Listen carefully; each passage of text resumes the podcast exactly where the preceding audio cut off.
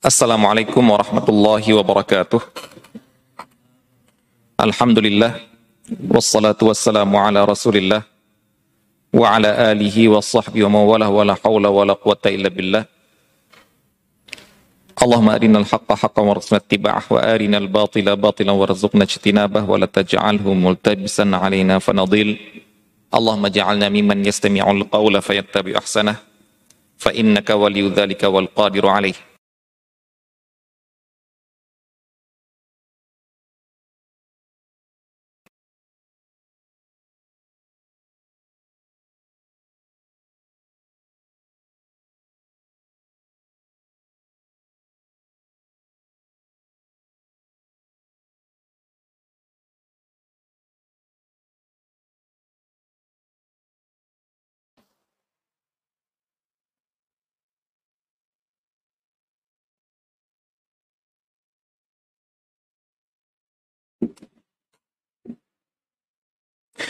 Hadirin kaum muslimin dan muslimat yang dirahmati Allah Subhanahu wa taala. Alhamdulillah Allah Subhanahu wa taala masih mempertemukan kita pada kesempatan kali ini untuk melanjutkan kajian kita dalam rangkaian pembahasan fikih muamalah yang mana pembahasan kita sudah sampai ke dalam pembahasan al-ja'alah. Al-ja'alah. Ini wallah taala alam kalau kita artikan dalam bahasa Indonesia itu tepatnya dengan sayembara. Nah, tepatnya dengan sayembara yaitu ungkapan barang siapa yang berhasil mendapatkan ini, berhasil membawakan saya ini, maka dia akan mendapatkan hadiah sekian. Ini dalam bahasa fikihnya dinamakan ja'alah. Jadi dia baru dapat upah, baru dapat bayaran kalau berhasil membawakan apa yang diinginkan oleh orangnya.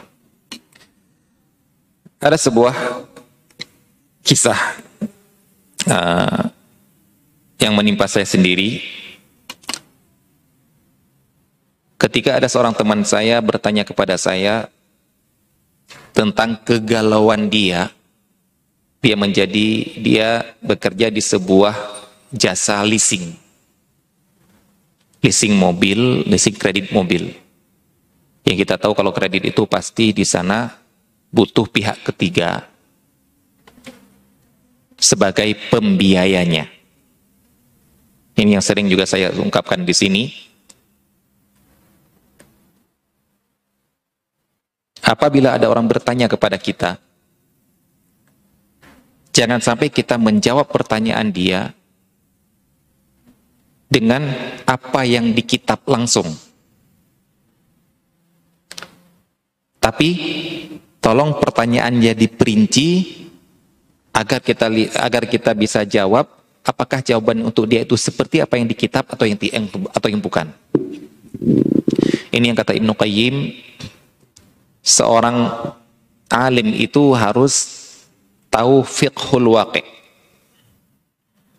Harus tahu realita sekarang ini. Jangan sampai dia tidak tahu realita, cuma berfatwa apa yang ada di kitab. Contohnya, misalnya kalau ada orang bertanya, Ustaz, apa hukumnya jual beli secara nyicil, kredit? Bayarnya nyicil. Nah, orang ini langsung buka kitab. Di kitab disebutkan tentang jual beli at-taqsid. Bolehnya jual beli secara nyicil sedikit demi sedikit yang kalau kita artikan sekarang kredit. Nah, langsung dibilang boleh. Maka ternyata yang dipahami oleh orang yang bertanya tentang jual beli kredit beda dengan si yang menjawab tentang jual beli kredit. Jual beli kredit yang dimaksud oleh ustaz yang, ber, yang menjawab ini adalah saya pemilik motor, saya jual kepada kamu secara kredit ke saya. Saya pemilik barang, saya jual kepada kamu secara nyicil ke saya. Misalnya kalau kita zaman dulu kan tukang kredit keliling gitu loh. Sedangkan yang bertanya itu bukan yang seperti ini. Yang bertanya itu, saya beli motor kalau nggak bisa cash lewat jasa penyedia jasa pembiayaan kredit. Nah, maka seorang alim itu harus paham realita kredit zaman sekarang ini enggak seperti yang di kitab dulu. Jangan kita jawab dengan apa yang di kitab padahal kenyataan tidak seperti yang di kitab. Nah, teman saya ini kemudian dia mendengar uh, uh, ceramah-ceramah ustadz lewat media sosial, akhirnya dia galau apa pekerjaan saya ini halal atau tidak? Saya menawarkan kredit lewat perbankan, lewat jasa finance yang lain. Nah, saya dengar ini kok nggak boleh. Ini ada ribanya. Berarti saya seperti menawarkan riba. Kemudian dia curhat ke saya, mengatakan seperti itu. Saya, saya, saya, saya jawab, ya kamu kan berarti kan sudah tahu. Berarti kamu sudah tahu bahwasanya pekerjaan kamu itu ada masalahnya, ada yang minimal syubhatnya, ya sekarang silakan kamu yang bersikap.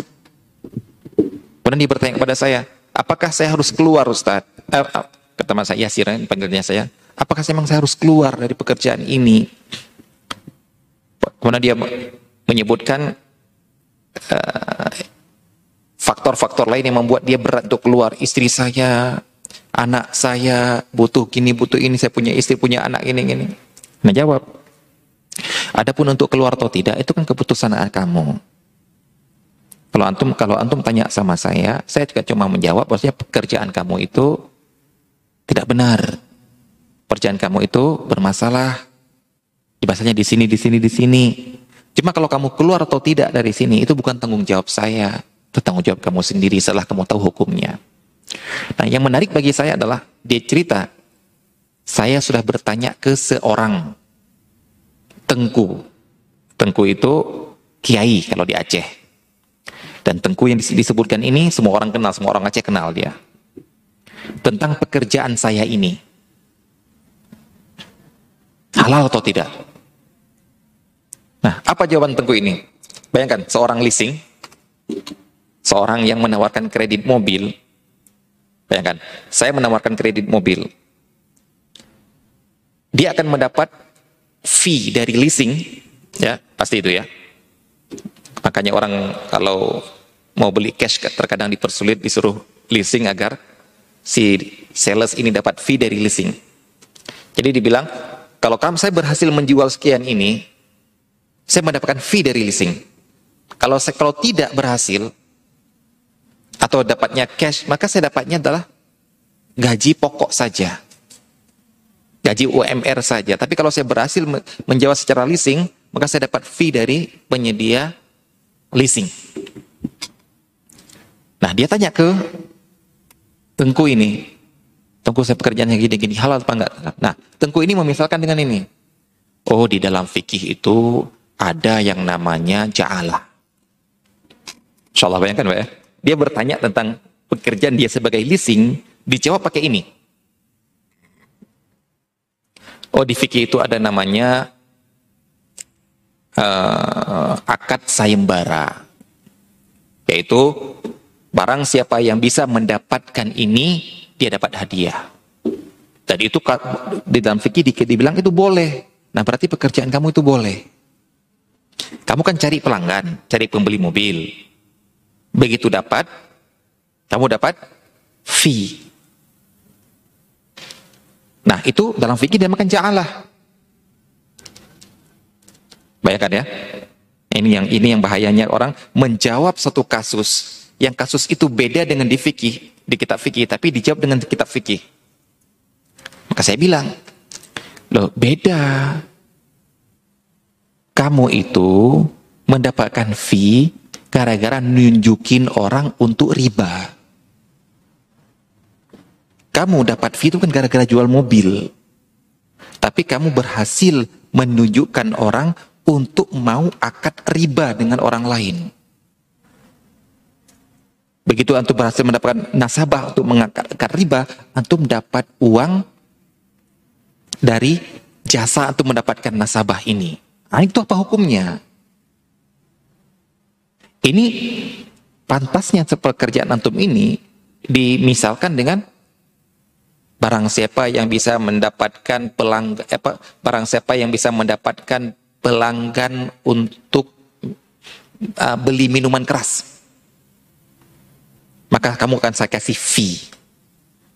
Ayo, siapa yang mau nawarkan minuman keras ini? Ayo, nawarkan ke orang, dapat minuman keras saya akan dapat fee. Ini jadi yang kita namakan sayembara di sini, dia mendapatkan uang ataupun bayaran dari bayaran dari sayembara ini, ini kita bawakan ke sayembara yang mubah. Adapun berlomba-lomba mengajak orang untuk berbuat yang haram kemudian dapat uang dari ajakan berbuat yang haram, maka itu haram juga. Nah, ini yang kita sangat sayangkan apabila ya dikit-dikit orang bilang, "Oh, itu ada di kitab, ada di kitab." Tapi ternyata pertanyaan dia beda dengan apa yang dimasukkan di kitab. Nah, di sini akad ja'alah di sini wallah taala alam itu yang anak yang anak sebutkan pantasnya itu tepatnya diartikan dalam bahasa Indonesia yaitu akad sayembara.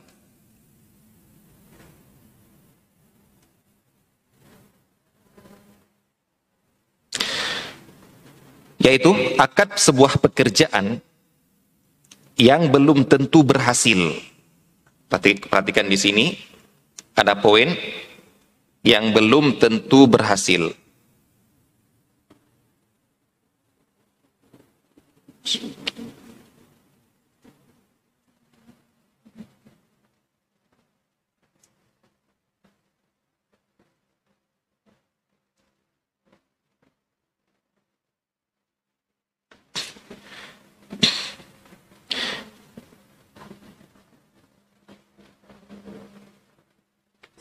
Wahia an yaj'ala syai'an ma'luman dengan bayaran yang sudah ditentukan. Nah, bayarannya harus ditentukan. Di sini ditentukan sini maklum. Kalau ini masih majhul.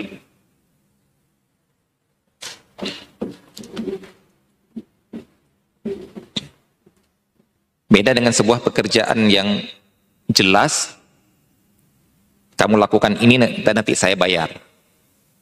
Kalau ini Lakukan sesuatu bisa dapat, bisa enggak. Bisa berhasil, bisa tidak. Kalau saya nyewa kamu untuk ngecat rumah ini, untuk bangun rumah ini, jelas. Tapi ini, kalau dapat ini, kalau berhasil dapat ini, saya bayar. Kalau enggak berhasil, saya sudah bekerja, ya enggak saya bayar. Berarti ini seperti seperti seperti sayembara. Barang siapa yang mendapatkan barang punya saya, barang siapa yang mendapatkan hewan saya yang hilang, barang siapa, barang siapa, barang siapa, maka itu dinamakan dengan sayembara dan ini dinamakan dengan ja'alah. Nah, di sini kemudian beliau menyebutkan apa bedanya ja'alah dengan ijarah? Hmm, kita contohkan dulu di sini. Contoh sayembara bagi yang menemukan barang hilang menemukan barang hilang, orang sudah bergerak, berjalan, bisa menemukan, bisa tidak. Untuk membangun dinding, di sini disebutkan,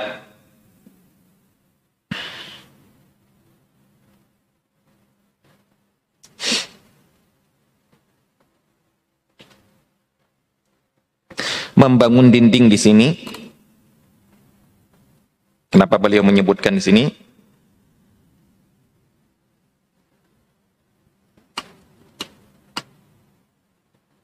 Barang siapa yang mau membangun pagar saya ini, maka dia akan mendapatkan upah sekian.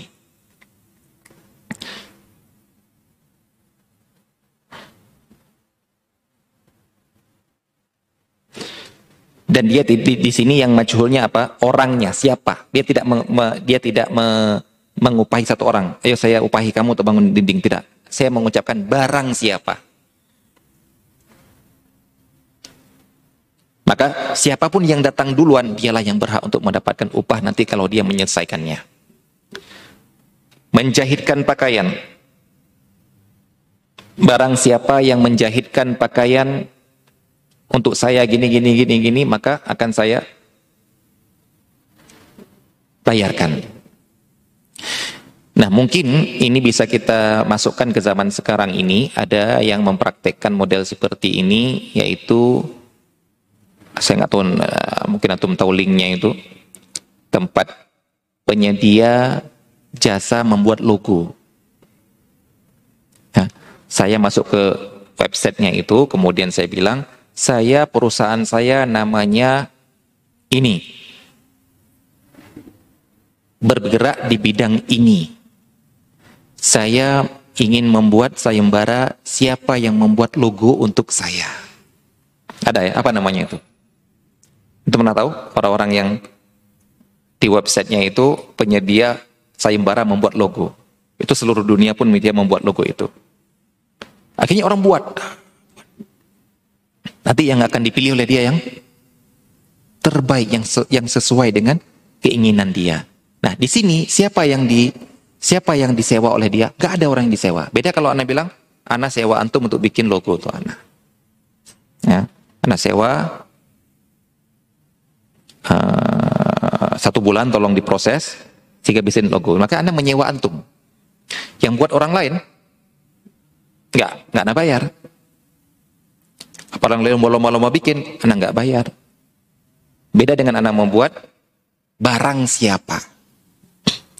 Maka di sini kamu melakukan akad dengan siapa? Nggak jelas. Bisa satu orang, bisa orang lain. Yang jelas siapa yang berhasil membuat sesuai dengan keinginan saya, dialah yang saya pilih sebagai pemenang, dialah yang mendapatkan bayarannya. Nah, di sini kemudian beliau menyebutkan apa beda ijarah. Apa ijarah? Akad sewa menyewa. Apa bedanya di sini? Beliau mengatakan perbedaan antara ja'alah dengan ijarah. Ijarah itu ijarah akadnya dengan orang maklum saya lakukan saya akad dengan antum bangun dinding jahitkan pakaian saya, bikinkan logo untuk saya, bikinkan akad dengan antum. Tapi kalau ja'alah sayembara, dia tidak membuat dengan siapa. Pokoknya siapa yang berhasil, siapa yang, siapa yang menyelesaikan, siapa yang cocok, maka dia yang saya bayar. Adapun ja'alah masih majhul. Bahkan berhasil, bahkan terkadang majhul orangnya yang melakukan ataupun majhul berhasil atau tidak. Seperti menemukan barang itu bisa berhasil atau tidak. Nah, kalau begitu, boleh mengatakan di sini, kenapa dibolehkan sebuah akad yang majhul ini? Maka dikatakan di sini, kita membolehkan karena kebutuhan orang kepada hal-hal seperti itu. Karena dibutuhkan, orang sangat membutuhkan seperti ini. Karena ada orang yang barangnya hilang, sehingga kalau disuruh satu orang untuk nyari, terkadang hilangnya di Banyuwangi. Kita sewa orang di Jember, eh, di, di, di Lumajang, sulit dapat. Tapi kalau kita bikin sayembara bagi semua orang, maka orang di Banyuwangi pun ikut mencari. Orang yang di Jakarta pun ikut mencari. Saya, saya perjalanan dari Jakarta sampai ke Banyuwangi, dompet saya hilang. Kalau saya hanya melakukan akad ijarah saja, misalnya enggak boleh ja'alah. Kamu harus melakukan akad saya upahi kamu untuk nyari barang saya. Ah, ini masyakkah, berat. Tapi dengan saya membuat sayembara siapa, barang siapa, maka ini lebih memudahkan. Dan ini suatu kebutuhan manusia, maka ini dibolehkan.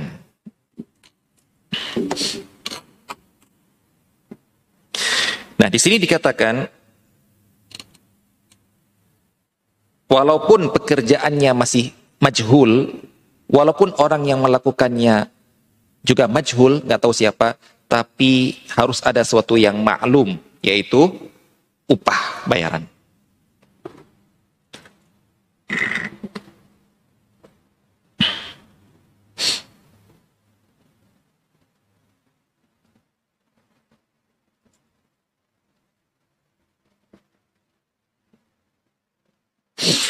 Di sini beliau mencontohkan barang siapa yang mendapatkan dompet saya maka saya akan memberikannya hadiah. Ini, ma ini ma majhul ini. Hadiahnya apa? Enggak disebutkan. Ini majhul di sini. Maka di sini tidak boleh. Harus maka dia mendapatkan bayaran satu juta. Maka dia mendapatkan bayaran uh, ratus ribu dan lain sebagainya. Di sini harus ada yang diperjelas yaitu bayarannya. Bedakan dengan hadiah. Karena sebagian orang menganggap sayembara itu adalah yang didapatkan hadiah. Kalau hadiah itu boleh majhul, nggak jelas. Anda kasih hadiah antum di dalam kotak. Ini ada hadiah untuk antum. Apa hukum ngasih hadiah seperti ini? Sah. Walaupun antum buka di dalamnya ternyata jam tangan mahal, alhamdulillah. Di dalamnya ternyata parfum cuma harga 10 ribu, nggak apa-apa. Nggak boleh, wah nggak, nggak boleh nerima hadiah ini, majhul, nggak jelas isinya di dalam, harus buka dulu apa hadiahnya. Nah, kasih hadiah dalam kotak, isinya bisa jam, bisa bisa HP, bisa ini, bisa itu, maka ini sah. Kenapa sah? Dalam uh, perkara hadiah, karena hadiah itu akad sosial tabarruk yang di situ tidak ada yang dirugikan. Antum mana kasih hadiah? Enggak anak kasih hadiah. Ruginya apa antum? Enggak ada rugi. Anak kasih hadiah, untung. Nggak anak kasih hadiah, juga nggak rugi. Nggak pernah ada sebuah pekerjaan yang antum lakukan, sesuatu yang antum keluarkan, yang membuat antum rugi ketika mendapatkan balasan berupa hadiah ini. Maka di sini ditorel, ditolerir adanya ketidakjelasan dalam bentuk hadiahnya. Namun sayembara harus jelas. Barang siapa, maka harus saya kasih yang ini. Hah? Jadi wallahu taala alam, jadi kalau memang menurut saya kalau memang ada saya berapa berupa barang siapa yang menjawab soal ini. Barang siapa yang berhasil melakukan ini, yang menang dalam ini, maka dia dapatkan hadiah ini. Dan hadiahnya harus jelas. Atau pernah tahu ya ada berita di media sosial sebuah desa melakukan lomba apa gitu. Ternyata ketika hadiahnya apa kalau anak? Membuat orang nyesal ikut ikut lomba. Sudah persiapan, sudah ini, sudah itu, habis waktunya. Begitu dibuka hadiahnya ternyata lupa waktu itu apa ya. Akhirnya kepala-kepala desanya dipanggil. Seakan ada korupsi di dalamnya. Jadi di sini yang itu boleh majhul, nggak jelas bekerja berhasil atau tidaknya ataupun siapa yang melakukan tapi dalam bayaran harus maklum hmm.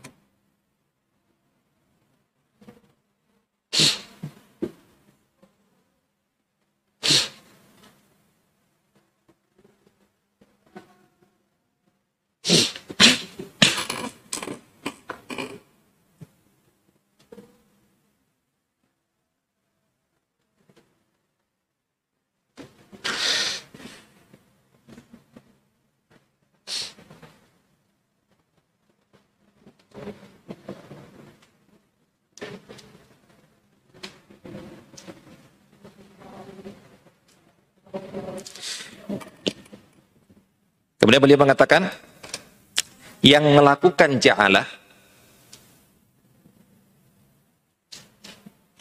siapa itu? Orang yang mencari tadi barangnya, orang yang melakukan perbuatannya, baru berhak dapat bayaran kalau ia tahu ada sayembara.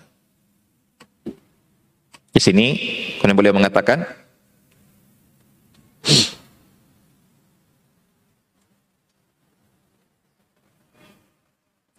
Adapun apabila seseorang mendapatkan barang hilang, seorang mendapatkan barang hilang, nanti akan ada pembahasan sendiri tentang barang hilang, dan di barang hilang itu ada alamatnya, dia tahu siapa. Kemudian dikembalikan kepada orang itu. Yang nemukan ini tidak pernah tahu ada sayembara. Barang siapa dapat dompet saya maka dapat bensin nggak pernah tahu dia. Maka dia tidak berhak mendapatkan apa-apa.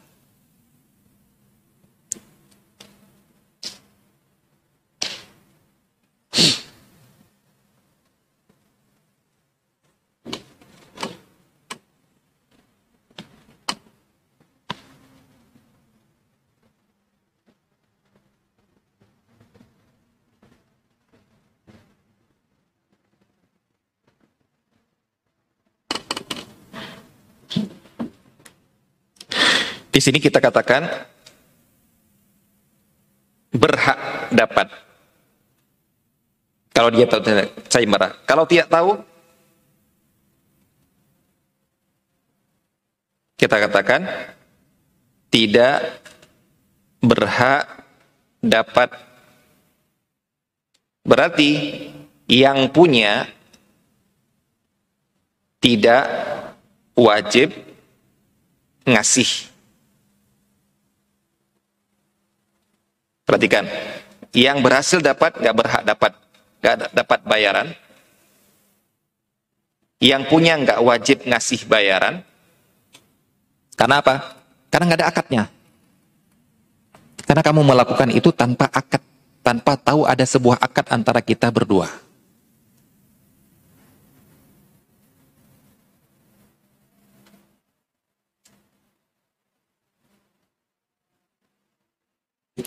Akan tetapi beliau katakan di sini,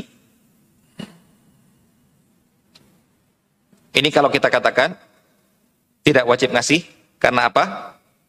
Karena tidak ada akad antara mereka. Ya, kalau kalau kita ingin menyuruh, memaksa seorang gara-gara sebuah akad, nggak bisa. Saya nggak ada akad kok. Dia melakukannya bukan dia dia mengembalikan bukan gara-gara akad kok. Dia mengembalikan gara-gara kebaikan dari dia. Akan tetapi, kata beliau di sini,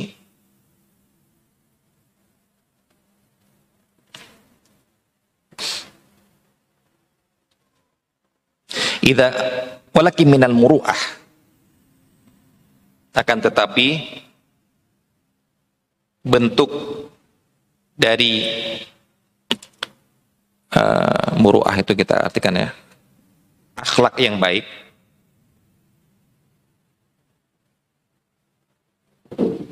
Nah, ternyata di sini perhatikan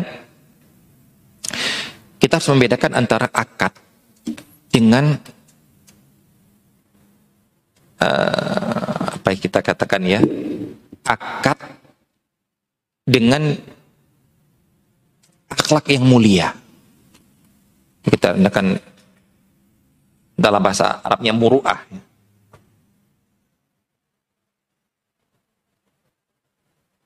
Muru'ah ini bisa diartikan akhlak yang mulia, bisa diartikan kewibawaan. Yaitu, muru'ah itu seperti ini. Ada hal-hal yang gak haram.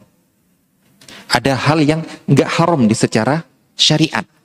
Tapi, kalau dilakukan oleh orang seperti Anda, hal ini menjatuhkan wibawa Anda di hadapan di hadapan umat. Misalnya ya, eh, makan permen karet, kemudian bikin balon, mubah kan? Ada yang bilang haram? Mubah kan? Mubah. Tapi seorang ustadz ya, bersorban, berpeci, kemudian duduk di depan warung kopi gini-gini. Apa itu? Antum mencela beliau ini gara-gara berbuat yang haram atau berbuat sesuatu yang menjatuhkan martabat kewibawaan seseorang. Itu dinamakan dengan muruah. Perhatikan ya. Ini bukan halal haramnya. Bukan wajib tidaknya kita sedang nuntut dia. Tapi muruah Ustaz. Tolong jangan Ustaz. Kan nggak apa-apa. Kan halal. Kan nggak ada larangannya, nggak ada dalil mengharam. Eh, ini bukan masalah dalil mengharam Ustaz. Kayak misalnya gini. Antum duduk di atas. Bukan, mungkin bukan sedang kajian ini ya duduk-duduk bareng ini, antum duduk di atas, di bawah ada orang tua, orang lebih tua daripada antum. Atau orang tua antum untuk paman antum duduk di bawah. Ini yang salah apanya ini? Syariat, halal haram, ada dalil bahwasanya haram duduk di atas kalau orang orang tua di bawah? Enggak ada. Yang masalah di mana? Muruah. Kewibawaan seseorang enggak ada. Baik, pakai peci. Pakai peci untuk sholat. Apanya yang salah? Antum kalau nggak pakai peci jadi imam, pakai imam sebuah masjid di Indonesia ya kita katakan di Indonesia, nggak pakai peci, kemudian dilarang antum jadi imam, itu yang salah apanya itu? Yang salah dari antum dilarang untuk jadi imam apanya? Antum nggak boleh bilang maksudnya, nggak ada dalilnya kok, pakai harus uh, sholat harus pakai peci. Sholat boleh kok nggak pakai peci. Kenapa kamu melarang saya pakai peci? Apa jawaban antum? Nah, nggak paham orang ini muruah ini. Nggak pantas seorang imam di tempat kami ini sholat tanpa pakai peci. Nggak pantas seorang imam maju untuk sholat Jumat tanpa pakai peci di tempat kita. Di negara lain, wallah taala lama tuh pernah pernah lihat di YouTube khutbah Jumat pakai baju kaos, celana, nggak pakai peci, tapi khutbah Jumat. Di mana ternyata itu? Mungkin di Filipina. Bentar ya. Benar.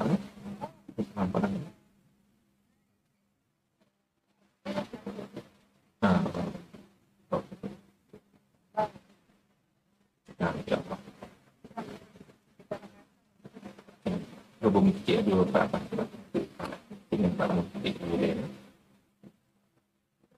Lanjut.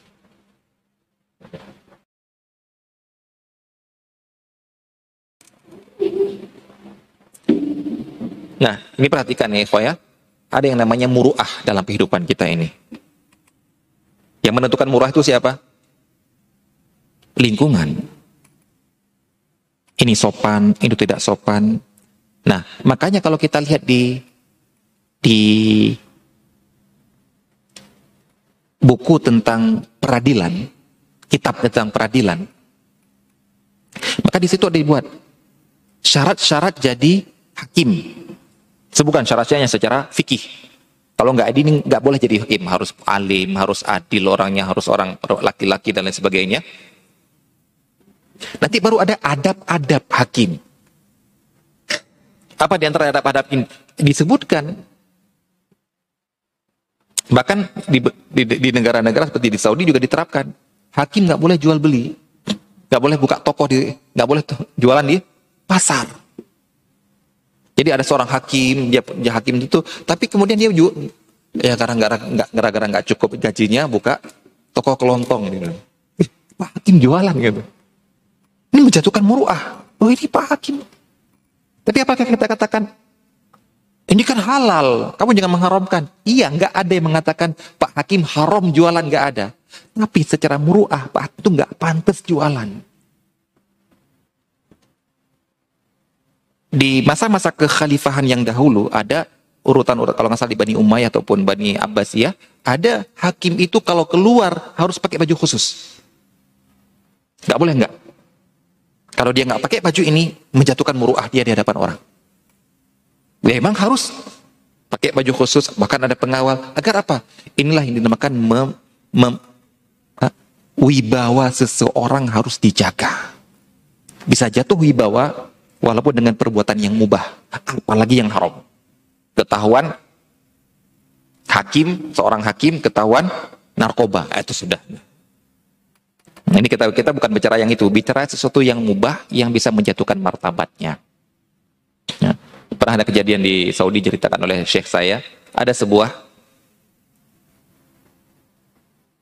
uh, pengadilan, kantor pengadilan, itu di situ banyak orang-orang di sekitar pengadilan yang calo. Calo apa? Calo untuk jadi saksi. Atau ada kasus apa? Datang, nggak bawa saksi. Atau orang butuh saksi? Saya siap jadi saksi. Bayar, saya mau bersaksi. Padahal itu nggak boleh. Itu nggak boleh seperti itu. Nah, begitu diutus oleh diutus seorang hakim dari daerah lain ke, ke pengadilan itu, yang pertama beliau putuskan adalah tangkap seluruh calo, tangkap, kemudian penjara, cambuk. Bukan penjara selamanya, cambuk aja penjara. Lalu lepas. Sejak saat itu steril. Pengadilan tidak pada lagi calo sebagai jadi hakim, eh, sebagai jadi saksi. Kenapa beliau lakukan itu? Beliau ingin menjadikan pengadilan pengadilan itu adalah tempat yang sakral. Jangan jadi tempat main-main, tempat orang mudah nggak agak ada takutnya. Orang ke pengadilan itu harus dari awal lihat pengadilan itu harus sakral, takut. Masuk pengadilan itu takut. Mending nggak usah masuk pengadilan menyelesaikan secara kekeluargaan dan lain sebagainya. Lah ini ada calo banyak di situ. Jadi orang nggak nggak merasa takut lagi ke pengadilan. Nggak ada saksi pun oke okay lah nggak apa-apa nanti bisa dibayar saksinya kok. Jadi ingat ya, ini dinamakan dengan muruah. Bisa diartikan yang menurut eh, di, di bahasa kita yaitu kewibawaan, harga diri seseorang, atau bisa diartikan dengan juga akhlak yang mulia. Nah, beliau mengatakan di sini, memang secara akad nggak wajib. Kayak tadi, memang secara hukum kamu nggak nggak berdosa ngunyah permen karet. Secara hukum kamu sah, sholat kamu nggak pakai peci, jadi imam tuh sah. Meruah nggak pantas, tapi nggak mengizinkan. Itu menjatuhkan martabat kamu. Maka beliau katakan di sini, Walakin minal muru'ah idza kana syai'u thaminan an tu'tiyahu ma yatibu bihi qalbuhu lima yali. Akan tetapi untuk dari akhlak yang mulia, maka berikan Pak bayaran kepada si penemu jika barang itu uh, barang berharga.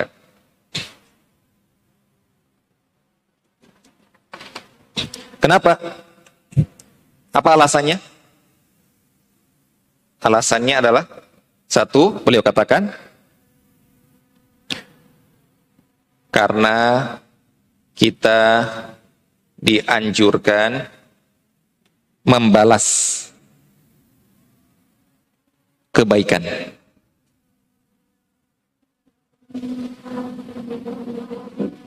Kan? Membalas kebaikan seseorang.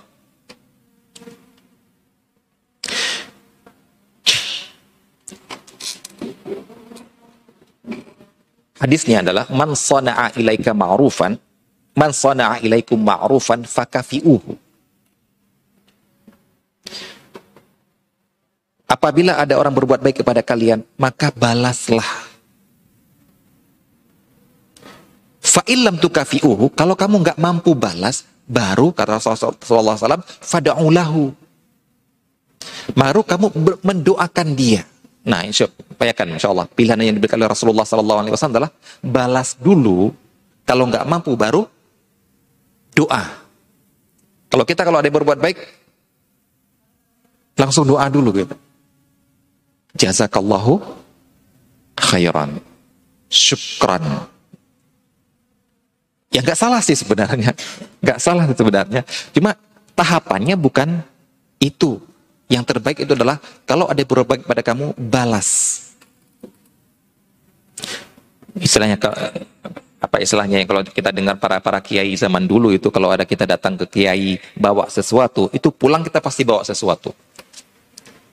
Kasih nggak mau orang ini pulang tangan hampa dia sudah bawa sesuatu ke saya. Maka ada yang saya kasih bawa pulang.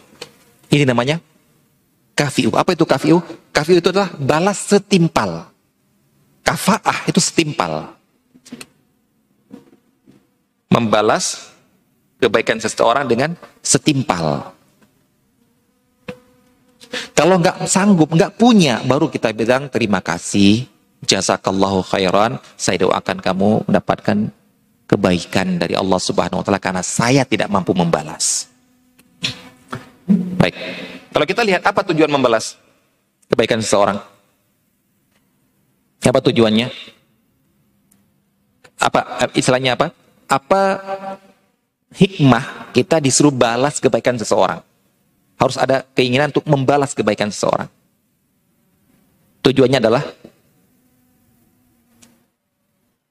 agar tidak ada rasa hutang budi.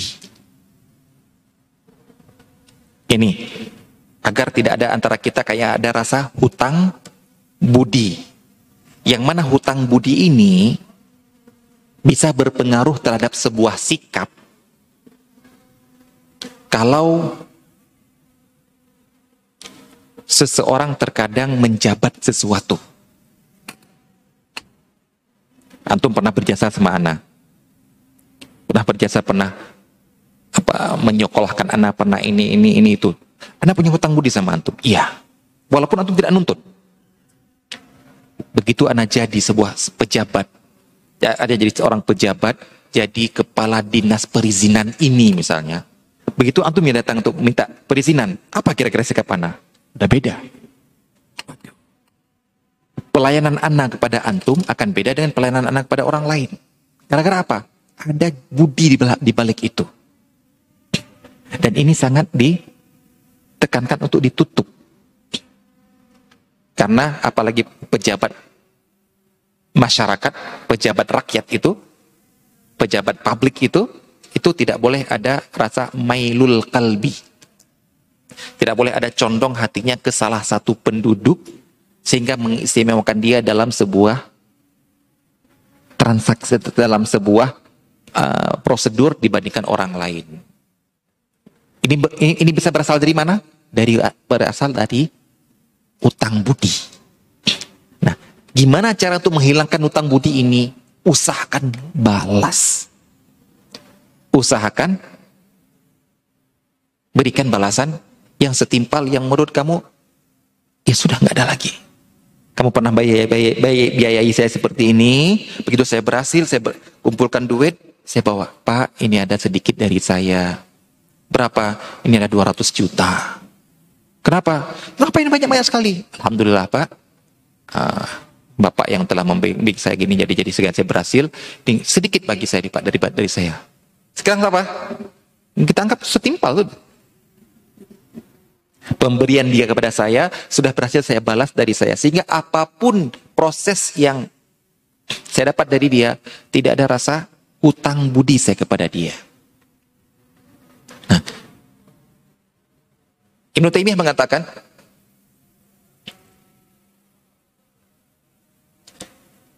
Is'al man syi'ta takun abidahu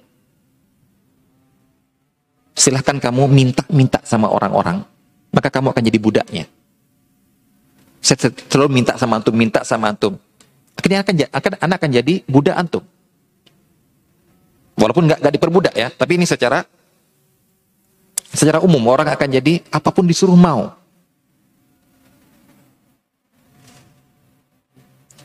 Istaghni an man syi'ta takun nadhirahu tunjukkan kamu bahwasanya tidak butuh pada orang lain, maka akan menjadi sepadan dengan dia. Loh siapa kamu nyuruh-nyuruh saya? Hah? Siapa kamu nyuruh-nyuruh saya? Saya saya nggak butuh kamu kok. Kalau kamu mau nyuruh saya, bayar. Istilahnya seperti itu. Kenapa? Karena kita menunjukkan nggak butuh, maka akan nampak seperti apa saingan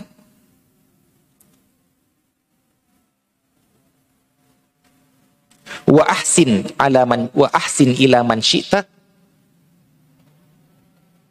Nah, ini yang ketiga nih apa ini? Berbuat baiklah kepada orang yang kamu kehendaki takun amirahu. Maka kamu akan menjadi pemimpin dia. Atau berbuat baik kepada orang maka orang itu akan mudah antum suruh. Karena ada apa semua itu? Utang budi maka kalau ada orang berbuat baik kepada kita usahakan semaksimal mungkin kita balas ada yang dikasih ke kita ada balasan yang kita bawa kepada dia makanya dikatakan oleh para ulama apabila ada orang diberikan hadiah yang mana hadiah itu bisa berindikasi untuk menjadi suap. Yang pertama nggak boleh terima. Cara nggak boleh terima, kembalikan. Terkadang ada orang untuk mengembalikan itu berat. Maka dilakukan nggak cukup tuh yang, yang tadi. Nah, maka yang dilakukan adalah balas parselnya pakai parcel yang sepadan ataupun lebih. Wah, saya pejabat. Dikasih parcel oleh sebuah perusahaan. Oleh sebuah penerbit. Yang mana parcel ini ada indikasi untuk mendapatkan proyek. Dan seorang pejabat publik nggak boleh menerima. Kalau memang dia sempat menerima, nggak dikembalikan, maka balas dengan yang lebih baik ataupun yang sepadan. Agar apa? Gak ada apa-apa. Kamu kasih apa kemarin? Nilai berapa yang kamu kasih? 200 ribu. Saya sudah balas, saya kasih 300 ribu. Maka saya tidak perlu untuk harus menerima tender dari kamu. Begitu juga bagi orang yang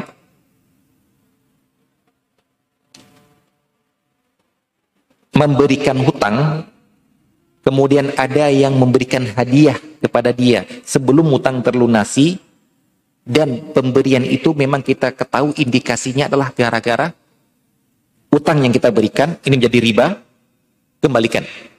Kalau kamu tidak bisa mengembalikan, maka balasnya. Nah, jadi di sini kata-kata membalas ini tujuannya adalah untuk impas, tidak ada balas budi. Tidak ada hutang budi. Yang kedua kata beliau di sini, kenapa kita dianjurkan untuk memberikan dia hadiah, memberikan sesuatu walaupun kita tidak wajib untuk memberikannya?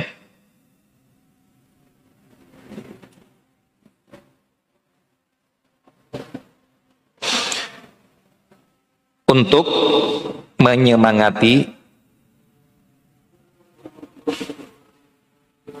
orang lain untuk menyemangati orang lain agar uh, mau mengembalikan barang-barang yang hilang. Kalau dia lihat ini alamatnya jauh, ah, kalau saya bawakan tidak dikasih hadiah ngapain biarin aja lah di sini. Tapi kalau dia tahu bahwasanya Orang itu seringnya, ma'rufnya secara muru'ah di sebuah tempat. Kalau dikembalikan barang dia yang hilang, dikasih hadiah. Oh, makanya semangat orang itu ngasih hadiah. Maka kalau katakan, adapun secara wajib, tidak wajib. Nah, ini banyak yang sering kita, apa istilahnya, dalam muamalah. Memang wajib toh saya melakukan ini? Enggak wajib. Tapi terimalah. Emang wajib atau saya menerima pembatalan dia? Enggak wajib secara akad, tapi terima. Namun kalau wajib itu bisa dituntut. Kita tuntut ke pengadilan, Pak, kita sudah melakukan akad gini, gini, gini, gini, tapi dia nggak bayar saya. Itu bisa kita tuntut. Tapi kalau sesuatu yang tidak bisa kita tuntut, ya kita nggak bisa ke pengadilan. Ini masalah antara wajib dengan akhlak yang mulia.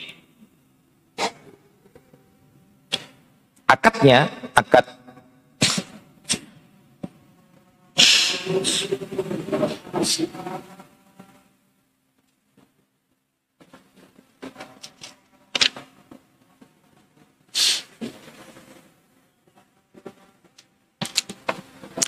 Akadnya ini adalah jais. Ini juga di antara yang membedakan beda dengan ijarah. Ijarah sewa menyewa. Kalau tadi yang membedakan adalah masalah majhulnya orang yang melakukan, majhulnya pekerjaan yang dilakukan. Perbedaan yang kedua adalah kalau ijarah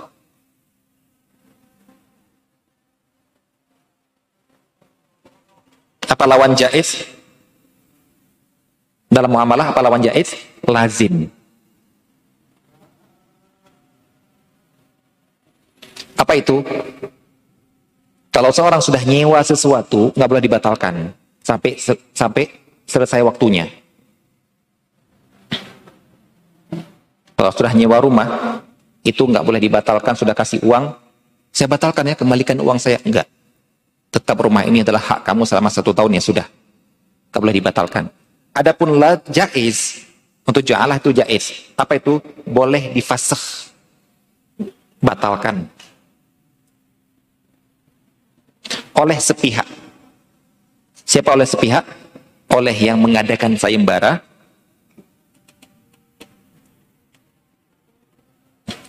ataupun oleh orang yang melakukan sayembara.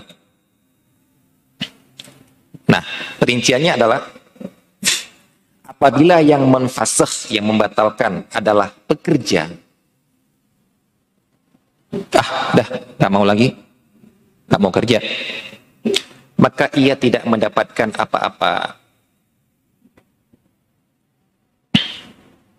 Karena dia sendiri yang sudah bekerja, belum berhasil, kemudian dia sudah nyari, nyari, nyari, nyari, nyari, nyari, nggak dapat, akhirnya ya sudah, saya pulang aja, nggak jadi.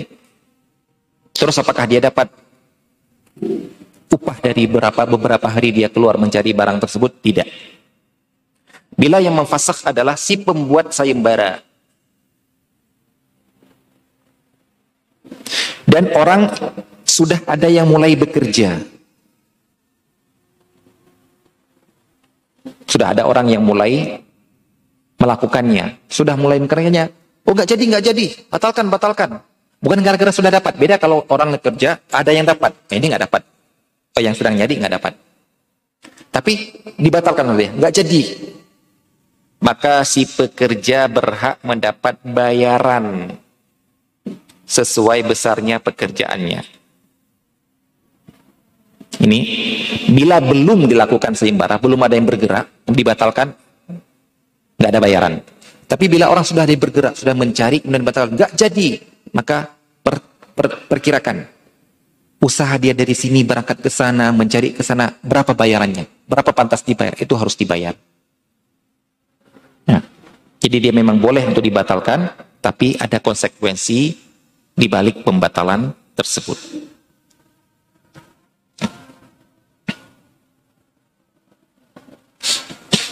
Nah, kemudian di sini beliau menyebutkan ada sebuah amalan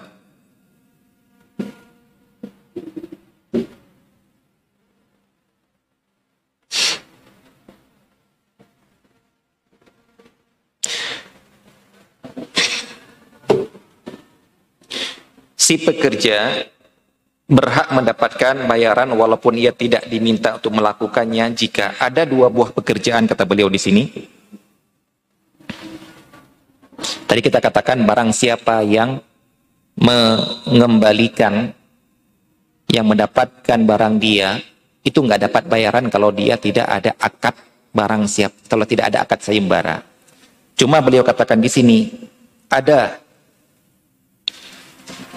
dua buah pekerjaan yang kalau ada yang mengembalikan maka dia berhak dapat upah walaupun tanpa akad sebelumnya. Apa itu? Mengembalikan budak yang kabur dan menyelamatkan harta dari kehancuran.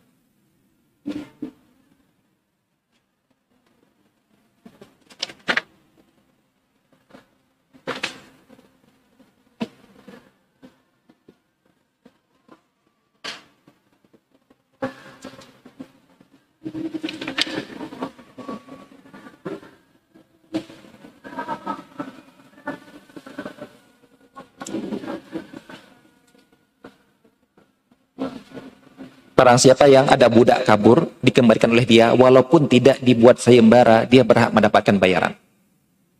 Barang siapa dia melihat ada or, ada harta orang mau hancur, ada harta orang, ada kebakaran di sampingnya.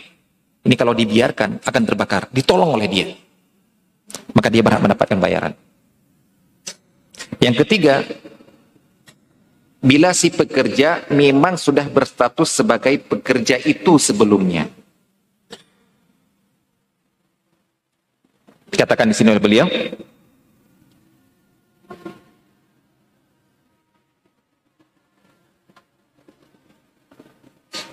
Ini yang pernah yang, yang pernah kita sebutkan di dalam ijarah.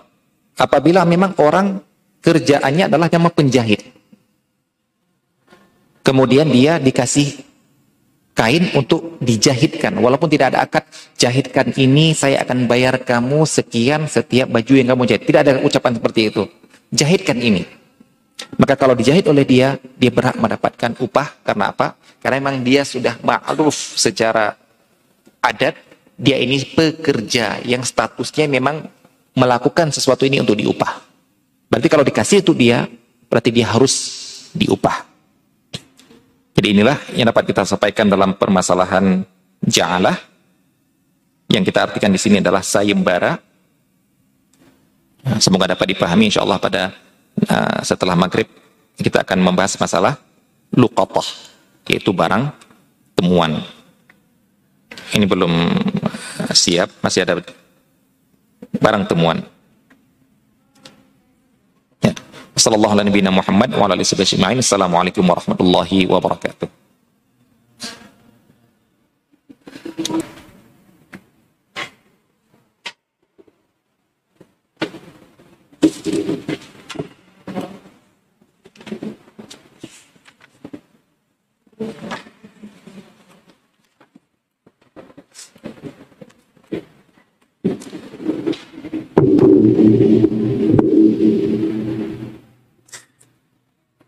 Assalamualaikum warahmatullahi wabarakatuh.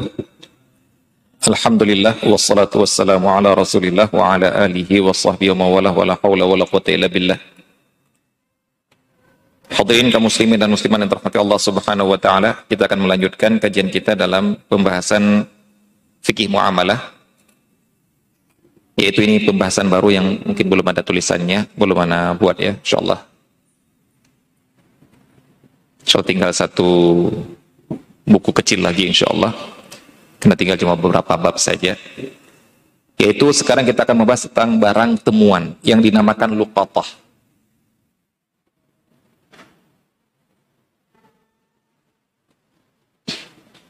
Dan kan akan kita ketahui uh, konsekuensi-konsekuensi yang berlaku pada barang temuan ini. Apa yang harus dilakukan, apakah boleh diambil, tidak boleh diambil. Uh, Misalnya setelah setelah boleh diambil apa yang harus dilakukan, mari kita lihat apa tujuannya di sini agar kita tidak menggunakan barang orang lain tanpa izin. Baik itu tanpa izin orangnya ataupun tanpa izin syariat. Barang luqatah kita artikan dalam bahasa Indonesia barang temuan. Namun secara fikih disebutkan yaitu bar harta yang tertinggal atau hilang yang tidak diketahui pemiliknya. Orang yang terjatuh, tertinggal, ataupun hilang dari, dari pemiliknya, kemudian kita yang menemukannya tidak kita ketahui pemiliknya. Nah, sekarang mari kita terapkan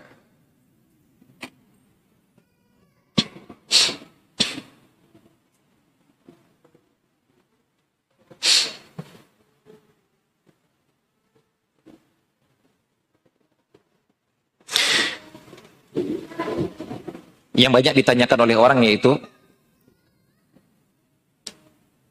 buah-buahan yang jatuh dari pohon namun di luar pagar rumah yang punya. Ayo. Buah yang jatuh dari pohon di luar pagar Boleh nggak diambil? Kenapa nggak boleh? Kan sudah di luar pagarnya dia.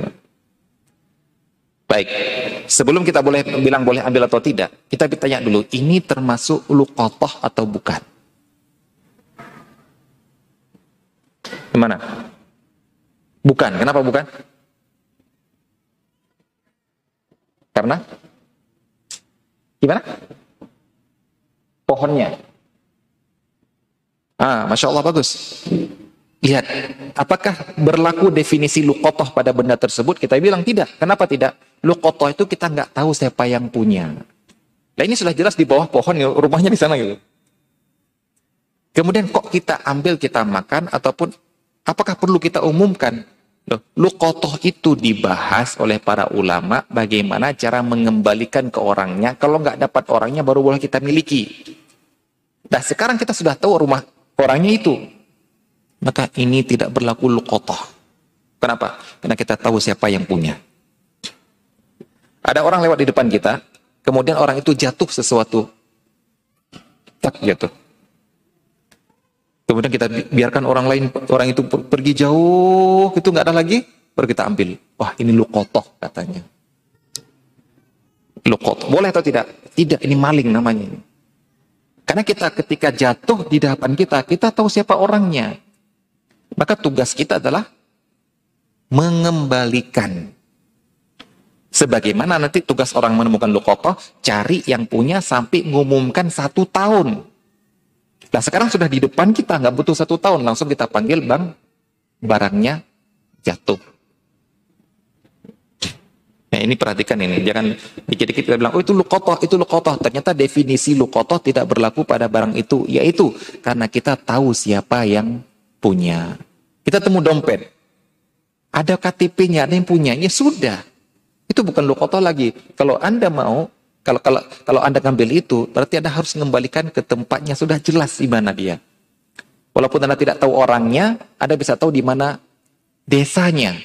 Kembalikan ke orang yang amanah di situ, ke kepala desanya. Nah, kalau zaman dulu dikatakan ya ke sultan. Sultan ya kalau zaman sekarang penguasanya. Yang di situ ada baitul malnya. Nah, kembalikan biar orang itu yang kembalikan ke orangnya. Karena ini bukan lukotoh lagi, karena kita tahu siapa siapa pemiliknya. Ada benda, ada parcel jatuh, ada alamatnya. Lukotoh kita bilang enggak. Ini adalah jelas siapa. Kalau anda mau ngambil, kembalikan kepada orangnya, jangan langsung dimiliki. Ya, jadi perhatikan yang eh, ngambil-ngambil uh, buah-buahan yang jatuh di depan rumah orang, ya itu bukan barang temuan, itu barang sudah ketahuan siapa yang punya. Maka kita berlakukan dulu hukum asal harta orang lain. Hukum asal harta orang lain adalah haram untuk diotak-atik sampai ada izin. Kalau sudah Anda tahu itu diizinkan, baru ada oleh boleh ngambil. Misalnya pernah Anda dengar dari dia atau orang-orang sudah ma'ruf tetangga-tetangga ma'ruf ini bapak ini buah yang di, yang jatuh di luar dibolehkan ngambil siapa pun. Selesai sudah. Berarti kita sudah tahu ada izin baru dari asal hukumnya harta dia itu tidak boleh diambil. Sekarang ada izin baru boleh ngambil. Sebelum tahu itu kita berlakukan hukum asal harta dia yaitu haram untuk diambil. Itu harus kita berlakukan ya ikhwan jadi kalau antum ragu ini boleh nggak ya maka pada asalnya nggak boleh ada harta orang ya. Anda ketemu harta orang, ini boleh ngambil nggak ya? Kalau Anda ragu, berarti asalnya nggak boleh. Sampai Anda tahu ada ucapan dia, atau ada indikasi dari dia yang membolehkan. Misalnya ya, misal, uh,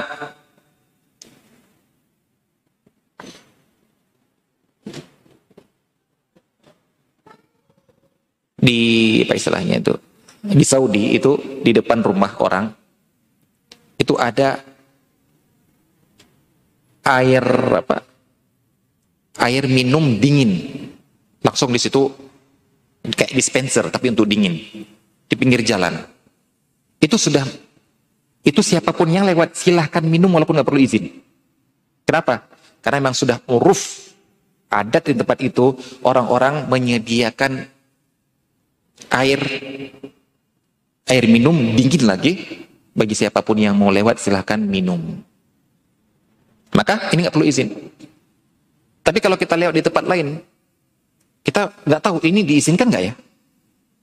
Ini diizinkan nggak ya? Maka kita harus tahu diizinkan atau tidak dulu. Misalnya kita melihat ada rumah orang di situ ada dispenser. Ini setiap orang lewat boleh ngambil nggak ya? Atau memang khusus untuk yang punya rumah? Ragu kan? Kalau ragu nggak boleh. Sampai Anda yakin diizinkan. Ini harus kita harus kita pegang di perlakuan kita terhadap harta orang lain, bapak-bapak. Harta orang lain itu asalnya nggak boleh ditak-atik sampai ada tahu oh, sampai anda tahu diizinkan. Berarti kalau masih ragu, kembalikan kepada yang asal. Ya, jadi buah yang jatuh dari pohon di luar pagar itu bukan luqatah.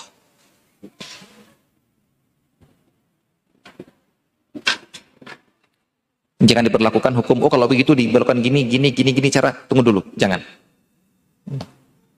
Baik. Mari kita lihat jenis-jenis barang temuan sehingga dengan kita tahu perbedaan jenis ini, kita akan uh, tahu bagaimana perlakuan hukumnya. Karena berbeda jenis, berbeda hukumnya. Yang pertama, barang yang memang kita tahu sudah dibuang oleh pemiliknya. Ini memang sudah dibuang. Kita lihat buah mangganya sudah di tong sampah. Buah mangga mengkal kita ingin makan yang mengkal ataupun sudah disapu, sudah ditumpuk oleh orangnya bersamaan dengan yang jatuh di luar itu sudah ditumpuk sama orangnya bersamaan dengan tumpukan daun-daun sampah. Ini sudah dibuang ini, kamu mungkin dimakan. Maka ini silahkan ngambil tanpa izin. Kenapa? Karena yang punya sudah tidak mau lagi. Di tong sampahnya kita lihat ada sepatu Nike. Nah, orangnya mau ganti yang lain. Ah malas daripada jual di online, buang aja lah.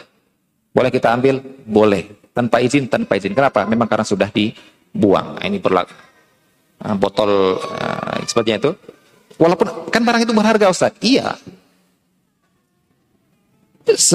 Berharganya di tempat dia itu beda dengan di tempat kita. Kalau kita kan yang dibuang, dibuang botol. Botol itu menurut pemulung berharga. Tapi ini tak perlu. Pak minta memulung di rumah bapak ya nggak usah itu. Tak pun mau masuk itu memang izin, izin masuk izin. Tapi kalau sudah di luar ada botol di dari tempat hajatan dia kita lihat botol-botol eh, air mineral itu itu nggak perlu minta izin lagi. Kenapa? Alasannya? Karena sudah ter, kita tahu dia tidak butuh lagi ataupun dia memang sudah sengaja membuangnya. Jadi bagi dia itu sampah, walaupun bagi pemulung itu adalah rupiah. Ini boleh langsung dimiliki oleh pemenemunya. Nggak perlu diumumkan lagi, nggak perlu dicari siapa yang punya, walaupun dia tahu siapa yang punya ada di, di depan rumahnya, maka ini boleh untuk di langsung diambil. Yang kedua, barang remeh atau sepele. Yang tidak berhars yang tidak yang punyanya itu tidak ada hasrat untuk dicari. Yang kita tahu ini yang kita tahu ini nggak akan balik lagi orangnya maka ini boleh dimiliki langsung oleh penemunya Ini kalau luqatah ya, kalau luqatah. Di sini saya katakan kecuali kalau dia tahu siapa pemiliknya, maka harus dikembalikan karena itu bukan luqatah. Ah, ini. Kita ini menyebutkan jenis-jenis barang temuan atau luqatah. Kalau sudah diketahui pemiliknya, bukan luqatah. Ya kayak tadi. Walaupun dari orangnya itu jatuh sebutir bawang. Dia bawa bawang, jatuh. Tik, Bu, ada bawang yang jatuh. Gak diambil, Pak.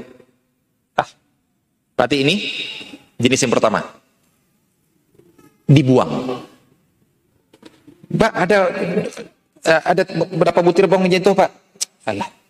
Berarti itu yang pertama, udah dibuang. Dia pergi, silakan ambil. Pak, ada yang jatuh. Diambil.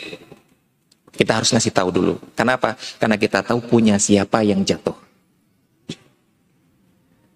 Nah, kalau kita datang belakangan, ada yang ada bawahnya itu, maka perkirakan kira-kira barang ini orang masih barsat balik lagi nggak? Uh, bawang saya jatuh tiga butir. Ada nggak kira-kira? Kita nemu mangga di, di jalan. Jalan nggak ada punya siapa-siapa kan? Nggak, nggak, nggak jelas punya siapa kan? Ini barang temuan berarti. Ini, ini kita yakin ini ada orang beli mangga 2 kilo, mungkin waktu naik motor jatuh satu. Maka kita perkirakan kira-kira mangga buah mangga ini, ini barang remeh atau bukan? Barang sepele atau bukan?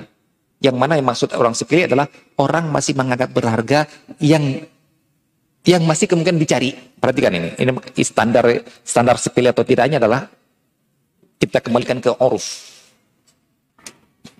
Di sini beliau mengatakan standar saya menyebutkan di sini ya.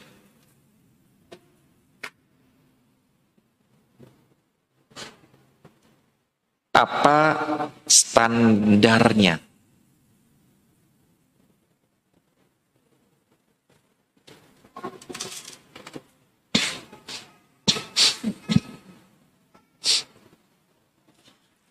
Standar dinamakan barang itu sepele atau tidak, ini tergantung adat atau dalam uruf. Apa itu? Keadaan masyarakat, tempat,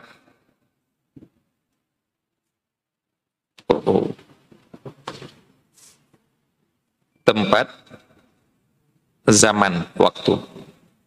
Maksudnya apa? Bisa jadi di keadaan kita barang ini bukan barang sepele. Namun di Jakarta ini barang sepele. Namun di Kalimantan ini barang sepele. Di tempat kita ini barang yang masih berharga yang kalau ada orang hilang masih nyari. Siapa tahu di tempat apa keadaan masyarakat sekarang di tempat kita di tempat yang sama keadaannya adalah ini masih ini dianggap sekarang barang berharga. Suatu saat nanti ini bukan barang berharga lagi. Ini barang sepele, orang jatuh nggak akan nyari lagi. Bisa tahu, bisa bisa jadi zaman Nah, ini dikembalikan kepada adat semuanya ini. Nah, ya kita contohkan sekarang kalau ada antum menemukan uang serat lima seribu rupiah, dua ribu rupiah, kira-kira antum perlu mengumumkan nggak? Ayo kenapa tanya sekarang. Sekarang kembali kita terapkan ini. Ini kan nggak bisa nggak bisa harus nggak bisa harus dari uh, apa istilahnya? Dari saya sebagai ustadz nggak bisa. Kita harus bertanya kepada antum juga. Karena ini berlaku bukan dari fatwa Ustadz, tapi dari adat. Ustadz saya nemukan uang segini. Menurut adat sini gimana uang itu? Sepele enggak? Kira-kira ada orang yang jatuh tadi masih nyari enggak itu? Enggak Ustadz, ini barang ini barang sepele 2000 ini. Udah ambil aja. Enggak usah diumumkan. Kalau 20 ribu, ah itu sudah. Menurut, menurut saya 20 ribu sudah. Masih orang masih nyari. Mungkin di tempat lain 20 ribu nggak nyari lagi orangnya. Hmm. Satu real mungkin di Saudi, walaupun di sini 4 ribu, misalnya satu real. Maka orang nggak mungkin nyari lah itu. Tahu hilang ah, biarin aja hilang. Itu namanya barang-barang yang sepele. Ke mana kita, ke mana kita standarisasikannya? Kepada adat. Baik, ini dimiliki boleh dimiliki langsung oleh si penemunya. Ini yang pernah dilakukan oleh Rasulullah Sallallahu Alaihi Wasallam. Uh, disebutkan dalam hadis Rasulullah Sallallahu Alaihi Wasallam ketika melihat sebutir kurma, beliau mengatakan, seandainya aku tahu itu bukan dari kurma sedekah, saya akan makan. Ini menunjukkan bahwasanya barang yang ditemukan apabila dia berupa sebutir korma boleh langsung makan tanpa mencari pemiliknya. Cuma Rasulullah SAW tidak memakannya gara-gara khawatir ini kurma yang haram dimakan oleh Rasulullah, yaitu korma sedekah. Karena Rasulullah haram makan sedekah. Seandainya beliau tahu ini bukan sedekah, beliau akan makan. Kenapa makan? Karena itu adalah barang yang terbuang, yang jatuh, yang akan yang nggak akan dicari lagi oleh si penemunya. Ini menunjukkan barang sepele itu tidak perlu dicari siapa penemunya. Makanya dikisahkan Umar bin Khattab pernah melihat seorang yang mencari-cari pemilik sebutir kacang. Misalnya antum lagi di sini menemukan sebutir kacang. Eh siapa yang punya kacang ya? Siapa yang punya kacang? Saya mau kembalikan. Dimarin sama Umar bin Khattab. Eh, duduk, diam. Orang orang zuhud pendusta. Jadi ingin nunjukkan kayak, kayaknya saya ini orang baik sekali nih.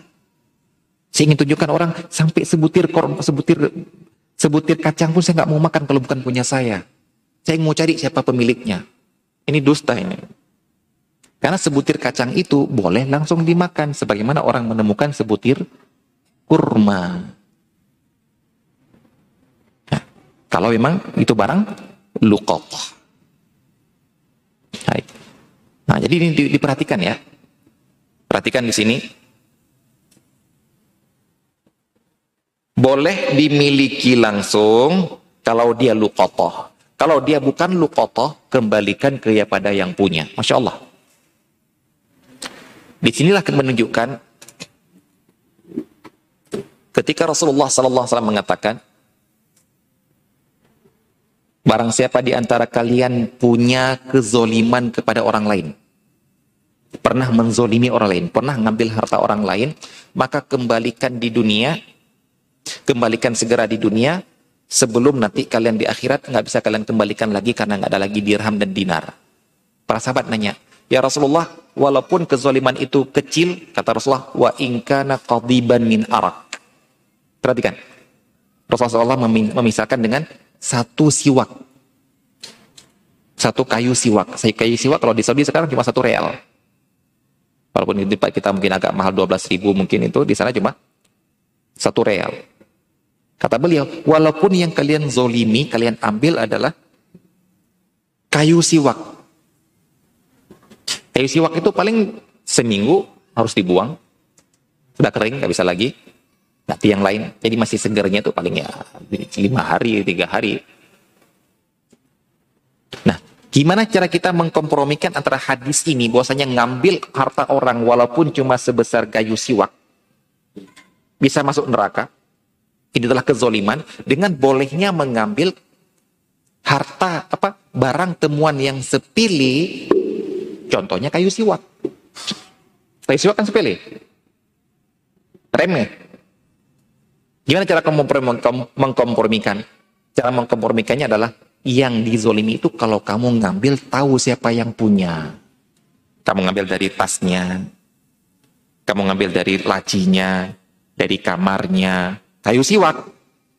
Itu kezoliman, pertanggungjawabkan di akhirat. Tapi kalau kamu nemukan kayu siwak, maka kalau kayu siwak ini standar di daerah tersebut adalah ini barang yang remeh, langsung kamu ambil tak apa-apa. Ini tidak ini bukan kezoliman. Ini diizinkan. Siapa yang mengizinkan? Syariat. Ya, karena di antara uh, tujuan syariat adalah untuk menjaga harta. Di antara bentuk menjaga harta, jangan sampai harta itu mubazir.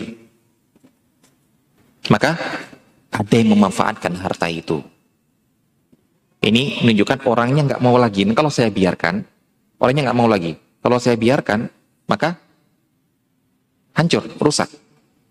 Dimakan hewan. Sudah, saya ambil, saya makan kurmanya. Saya ambil, saya pakai siwaknya. Saya ambil uangnya, saya kumpulkan celengan nanti. Saya, uh, saya belanjakan. Cobalah tuh kalau menemukan uang-uang 100 rupiah, 500 rupiah yang jatuh-jatuh di jalan tuh diambil coba. Siapa tahu setelah satu tahun jadi kaya raya tuh. Sedikit demi sedikit lama-lama jadi bukit. Jadi di sini ya, barang sepele bisa masuk neraka kalau ngambil tanpa izin kalau kamu ngambil dari orang yang punya. Tapi barang sepele boleh langsung kamu ambil dan halal kamu ngambil kalau itu adalah barang lukotoh, yaitu barang yang temuan tidak tahu pemiliknya dan pemiliknya kita tahu tidak akan balik lagi tuh nyari. Yang tidak makan dengan barang remeh. Ketiga, Lawannya tadi, itu barang yang masih mungkin dicari oleh orang pada umumnya. Pada umumnya kalau barang ini hilang, terjatuh satu tas, di dalamnya tiga, tiga kilo, tiga kilo mangga. Nah, itu balik lagi orang itu. Ini pasti dicari ini. Maka ini adalah barang temuan ini.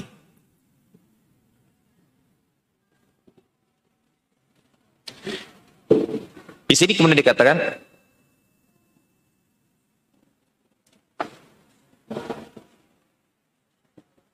Ini adalah tinjauan remeh tidaknya barang, masih dicari tidaknya barang, tadi kita katakan secara adat.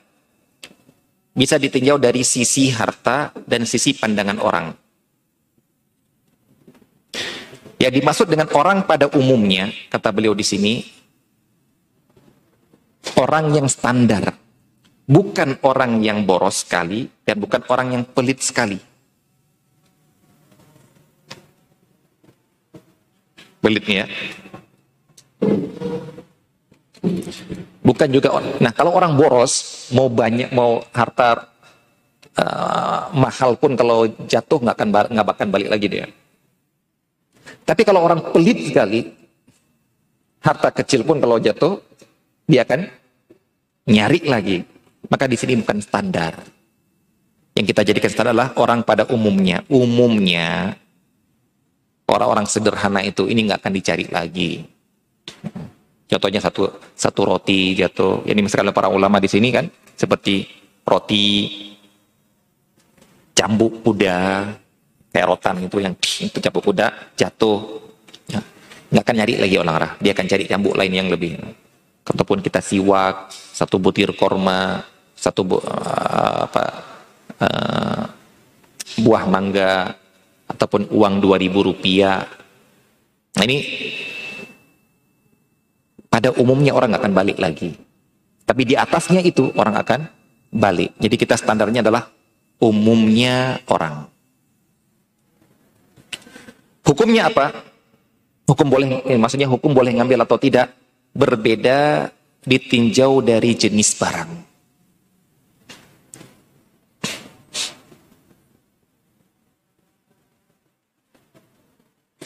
Yang pertama jenisnya adalah apabila benda yang hilang itulah hewan.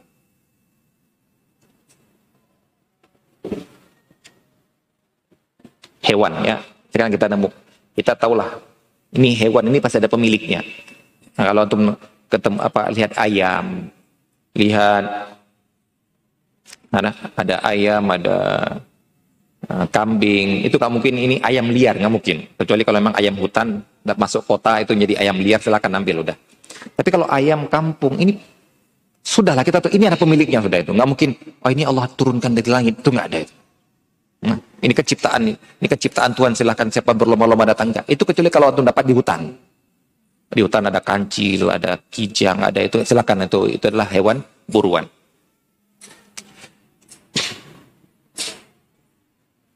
Yang bisa hewan yang bisa menjaga diri dari hewan buas yang kecil. Nah, gimana ini? Ini standarnya gini ya. Ini walaupun kalau kita praktekkan di tempat kita sudah nggak berlaku lagi kayaknya ini. Yang kita praktekkan di tempat kita karena memang nggak ada hewan buas di sini. Apa maksudnya di sini? Ada hewan buah, ada hewan ternak yang dia bisa jaga diri. Dari apa? Hewan pemakan daging, karnivora, tapi dia karnivora yang kecil. Di sini dicontohkan adalah seperti kerbau, onta. Nah, ini hewan hewan uh, buas yang kecil di sini seperti serigala, seperti anjing liar, kalau hiena itu kecil apa, apa kecil apa besar?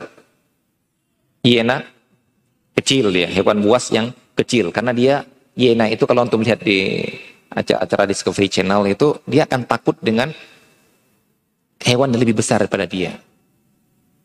Bahkan hiena itu termasuk hewan buas yang boleh dimakan. Boleh diburu, boleh dimakan dagingnya. Kenapa? Jadi hewan buas yang dilarang makan itu adalah hewan buas yang bertaring yang berburu mangsanya. Dan mangsa yang disebutkan di sini adalah ada ulama yang mengatakan mangsa itu maksudnya adalah yang lebih besar daripada dia dia berani. Ataupun dia berani memangsa manusia. Ini yang haram dimakan. Adapun hiena Yang dalam bahasa Arab ini kan doba. Ya, bahasa Malaysia yang dimakan dubuk. Itu dia punya taring memang. Tapi dia tidak menerkam mangsanya, tidak menyerang mangsanya.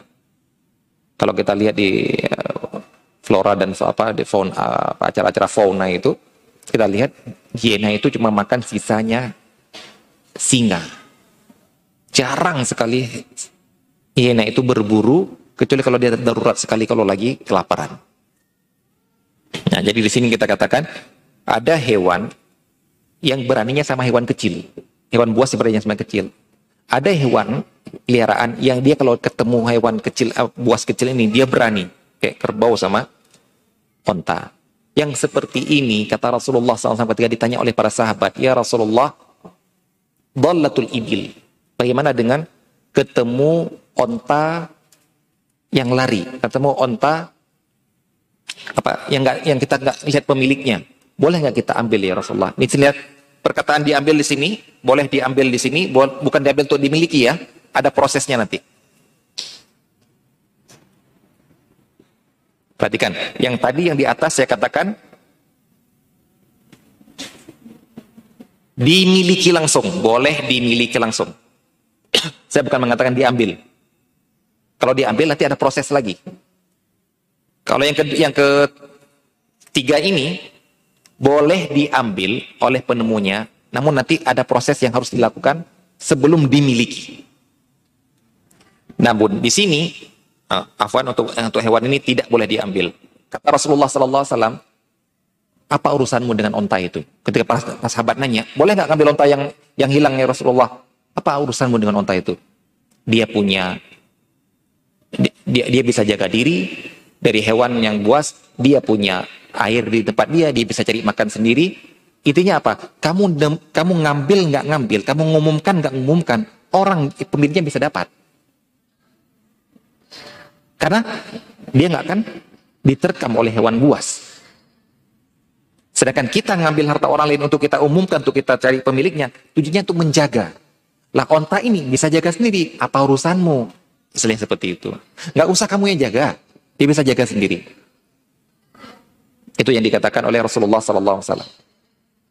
Ya, jadi setelah, karena kenapa hewan ini tidak perlu diambil? Karena dia bisa jaga sendiri. Nah, cuma akan tetapi, wallah taala alam. Utsman bin Affan di zaman beliau, di zaman Utsman bin Affan, beliau memerintahkan yang nemu apa yang nemu onta yang kabur ambil. Ambil kemudian proses proses lukotoh nanti diumumkan. Satu tahun nggak ketemu orangnya kemudian memiliki kenapa?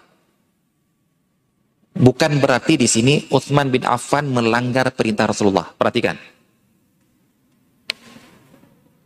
terkadang ada orang mengatakan lihat Utsman memerintahkan sesuatu bertentangan dengan Rasulullah Rasulullah bilang bilang malaka walaha ya Rasulullah boleh nggak ngambil onta yang yang nggak ada pemiliknya yang nggak ketahui pemiliknya apa yang kamu urusin dia? Dia bisa jaga diri sendiri kok. Kata Rasulullah. Ketika ditanya kambing, ambil. Kenapa? Karena kalau nggak kamu nggak ambil, bisa jadi itu jadi bisa jadi ditemukan oleh pemiliknya atau diterkam serigala. Ada tiga ada tiga pilihan. Kamu ambil, ditemukan pemiliknya atau diterkam serigala. Daripada daripada ambil dulu untuk, untuk ambil di sini adalah untuk dicari pemiliknya. Ketika ditanya onta, kata Rasulullah, ngapain nurusin onta? Dia bisa jaga diri sendiri. Jadi ketika di zaman Rasulullah dilarang ngambil onta yang nggak ketahuan pemiliknya. Biar pemiliknya sendiri-sendiri cari, dia nemu nanti. Nah, zaman Utsman bin Affan diperintahkan, yang nemukan ambil. Di sini bukan menunjukkan Utsman bin Affan memerintahkan sesuatu yang berbeda dengan Rasulullah. Tapi Utsman bin Affan mengerti sebab Rasulullah Sallallahu Alaihi Wasallam mengeluarkan sebuah hukum yang bukan illah tahu illahnya apa itu Rasulullah SAW mengatakan nggak perlu diambil karena sekarang lawannya dia itu hewan buas dia berhasil Gak perlu kamu jaga, dia akan bisa menjaga diri dari hewan buas. Jadi sekarang antara kamu sama yang punya. Dia bisa balik ke rumahnya sendiri, yang punyanya bisa nyari. Hewan buas nggak akan bisa nerekam dia. Di zaman Utsman bin Affan, eh, ada satu orang lagi, satu lagi, yaitu maling. Di zaman beliau banyak maling, banyak orang yang mengambil harta orang penyamun. Kata beliau, kalau begitu ambil dia, ambil, jaga, umumkan, cari yang punya. Biar apa? Biar dia tidak diambil oleh maling. Jadi di sini Utsman bin Affan bukan melanggar perintah Rasulullah, namun beliau memutuskan sebuah hukum yang tahu apa dasar Rasulullah SAW mengatakan hukum tersebut? Yaitu untuk melindungi onta. Di zaman Utsman bin Affan, kalau nggak diambil, onta nggak akan terlindungi. Karena lawannya sekarang adalah maling. Nah, jadi jangan menuduh seperti misalnya Umar bin Khattab mengubah hukum zakat, kata mereka. Kenapa? Umar bin Khattab di zaman beliau mengatakan, nggak ada lagi bagian mu'allaf nggak ada lagi bagian mu'alaf. Kenapa? Dulu di zaman Rasulullah, orang mu'alaf itu dikasih biar apa? Biar teguh imannya, nggak murtad lagi. Karena dorongan untuk murtad dari luar, oh, berat, apa banyak. Dikasih dengan harta biar dia teguh di atas keimanannya. Kata Umar bin Khattab, sekarang nggak ada lagi. Nggak ada yang berani murtad sekarang. Maka nggak usah nggak perlu dikasih. Jadi Umar bin Khattab bukan mengubah hukum Allah, tapi melihat penerima zakat yang statusnya sebagai mu'alaf itu nggak ada nggak berlaku lagi di tempat beliau. Seperti misalnya visabilillah itu bagian yang menerima zakat. Sekarang nggak kita keluarkan untuk dia karena nggak ada. Bukan mengubah hukum Allah. Tapi menetapkan hukum karena sebuah alasan. Dan begitu juga Uthman bin Affan seperti itu. Jadi yang seperti ini, kalau terjadi di zaman kita sekarang, ambil juga. Ambil akan kita proses sesuai dengan hukum lukotoh daripada diambil maling. Ya. Jadi bukan bukan diambil Anda langsung memiliki, itu berarti Anda yang maling. Yang selain itu, selain hewan yang tadi, yaitu hewan kecil yang tidak bisa menjaga diri dari hewan buas yang kecil dan juga benda lain. Bisa hewan, bisa benda. Yang seperti ini boleh diambil untuk mengikuti langkah-langkah berikutnya dalam proses konsekuensi dari luqatah. Anda temukan ayam orang, ini siapa ini? Nah, maka nggak apa-apa Anda ambil, tapi dengan nanti diumumkan dengan proses-prosesnya. Ada menemukan dompet orang, ada menemukan uh, parcel orang jatuh, orang menemukan ini, menemukan itu, maka itu silahkan Anda boleh ambil dengan mengikuti langkah-langkahnya. Syarat boleh ngambil adalah apabila dia yakin dirinya amanah untuk mencarikan pemiliknya. Perhatikan ini. Di sinilah juga berlaku hukum innamal a'malu niat. Ketika Anda pertama ngambil, tujuannya untuk apa? Ih, ada HP jatuh. Ah, untuk saya saja. Itu sudah maling. Tapi kalau ada HP jatuh, saya akan ngambil untuk mencarikan siapa penemunya dengan langkah-langkah lukotoh. Di sini namanya amanah. Beda hukumnya, beda niatnya. Walaupun cara ngambilnya sama. Soal akan kita lanjutkan pada pertemuannya berikutnya habis. Insya, insya Allah. Sallallahu Nabi Muhammad wa Assalamualaikum warahmatullahi wabarakatuh.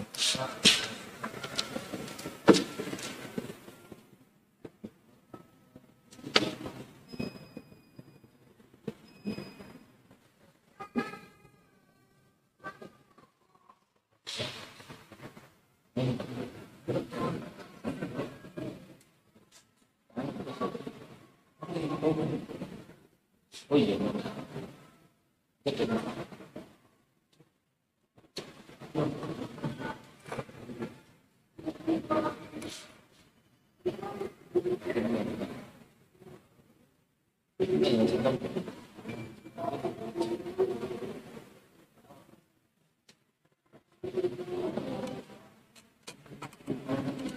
Alhamdulillah. Alhamdulillah wassalatu wassalamu ala Rasulillah wa ala alihi wa sahbihi wa wala wala haula wala quwata illa billah. Kembali kita melihat apa yang diperlakukan terhadap luqatah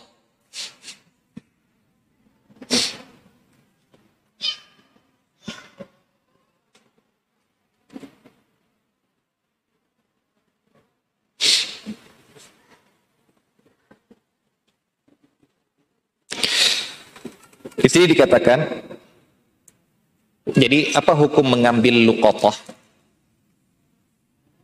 Hukumnya adalah boleh selama dia yakin amanah dengan dirinya. Berarti kalau antum, kalau ini eh, kita serahkan kepada diri masing-masing. Kalau merasa saya orang nggak sanggup menggang amanah, saya orang nggak sanggup untuk nyari siapa pemiliknya, maka jangan diambil. Daripada kita masuk nanti menjadi orang yang berkhianat, yaitu orang-orang yang mau menerima amanah, tapi tidak mau melaksanakan amanah. Berarti ini ketika kita ngambil, dah amanah. Mau nggak kita teruskan untuk melaksanakan amanah dengan mencari penemu, uh, pemiliknya? Nggak sanggup, nggak usah terima. Nah ini bagi kita buat nasihati kepada orang-orang yang merasa dirinya nggak sanggup emban amanah dari awal jangan terima amanah. Nah, untuk lukotoh ini, kalau dia sudah ngambil untuk mencarikan pemiliknya, baik. Kalau dia sudah ambil dengan tujuan untuk mencari pemiliknya, berarti sekarang status barang itu pada dirinya amanah. Apa itu amanah Pak? Kita sudah lewatin, yaitu apabila rusak, hancur. Bukan gara-gara keteledoran dia, maka dia tidak tanggung jawab. Misalnya, dia ambil, diumumkan, namun selama nunggu pengumumannya ini, barangnya kena banjir, kebakaran rumahnya, gempa bumi, dan lain sebagainya, atau hilang dicuri orang setelah ditutup rapat rumahnya, maka ketika datang pemiliknya, mana barang saya? Oh maaf, hilang. Maka di sini dia tidak perlu tanggung jawab. Karena dia sekarang amanah. Jaga barang orang lain. Sebagaimana barang dititipkan di rumah dia, hilang, maka jangan salahkan dia. Nah, di antara bentuk amanah ini adalah apabila ini, ini sebagian kita, kita melakukan. Pernah nanya, ada yang nanya ke anak, Ustaz, anak nemukan barang di kamar mandi asrama. Anak ambil. Sudah anak ambil, kemudian anak nggak sanggup mengumumkan. Anak kembalikan ke situ. Kemudian datang yang punya, hilang barangnya. Siapa yang salah Ustaz? Gimana nih? Coba pendapat tuh juga. Gimana? Orang yang ngambil lukotoh itu harusnya diumumkan. Dia oh akan saya umumkan. Ternyata berat dia mengumumkan, satu hari sudah berat, nggak sanggup, dikembalikan ke tempat dia nemukan. Apa hukumnya, Pak?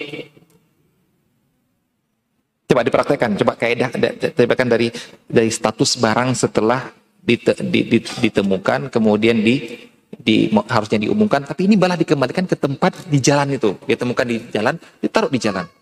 Apa hukumnya? Nggak boleh. Berarti siapa yang menjawab sekarang? penemu. Kenapa nggak boleh? Ingat prosesnya. Siapa yang menemukan, dia harus mengumumkan. Dalam proses pengumuman, barang ini adalah amanah. Apa itu amanah? Kalau rusak dengan sendirinya, tidak wajib tanggung jawab. Tapi kalau rusak gara-gara keteledoran dia, maka harus tanggung jawab. Misalnya, barang ini boleh disimpan di sini, disimpan di situ, hilang, rusak, terbakar. maka dia tanggung jawab. Nah sekarang diletakkan di tengah jalan lagi, tanggung jawab. Walaupun dia bilang, saya akan kembalikan ke tempat semula Ustaz. Di situ bukan tempat seharusnya barang itu dikembalikan. Itu jawabannya. Di jalan itu bukan tempat itu harus berada. Kan saya temukan di situ Ustaz. Itu barang jatuh. Bukan orang letakkan di situ, barang jatuh di situ. Kok kamu letakkan di situ? Diambil orang, berarti sekarang kamu yang tanggung jawab. Sanggup? Makanya kalau lagi naik motor, lihat dompet, nggak usah nurun lah, lewat aja sudah. Kenapa? Memang Anda ada kemungkinan bisa memiliki ini setelah setahun mengumumkan, nggak ada yang nggak ada yang mengaku, jadi milik Anda. Jadi ada kemungkinan Anda untung. Tapi kan setelah satu tahun. Tapi sanggup nggak Anda mengemban amanah satu tahun? Nggak sanggup, nggak usah berhenti lewat aja udah. Dompet-dompet orang kok. Daripada Anda sudah ngambil, ternyata sekarang Anda harus tanggung jawab. Nah, terserah atau model yang bagaimana.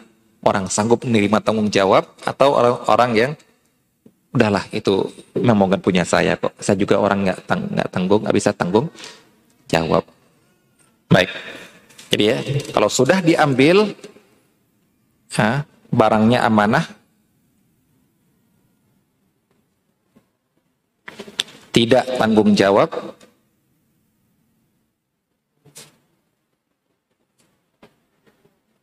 tanpa keteledoran. Kalau teledor harus tanggung jawab. Seperti wadiah yang sudah kita lewatin. Baik, kemudian apa yang dilakukan?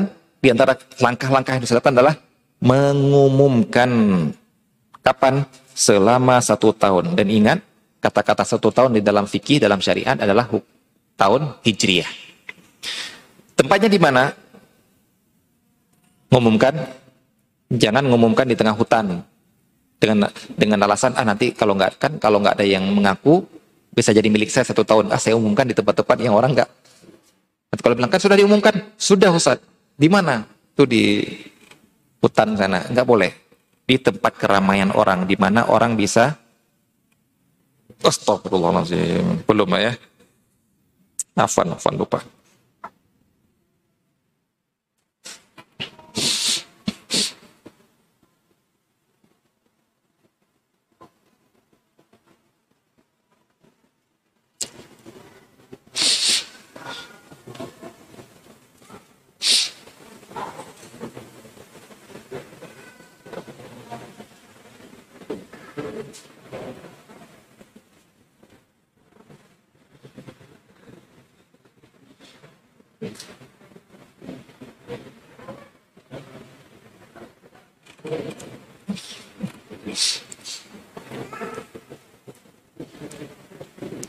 nggak ditekan serah apa tadi nggak muncul tadi nggak nggak usah ditekan sudah sudah dapat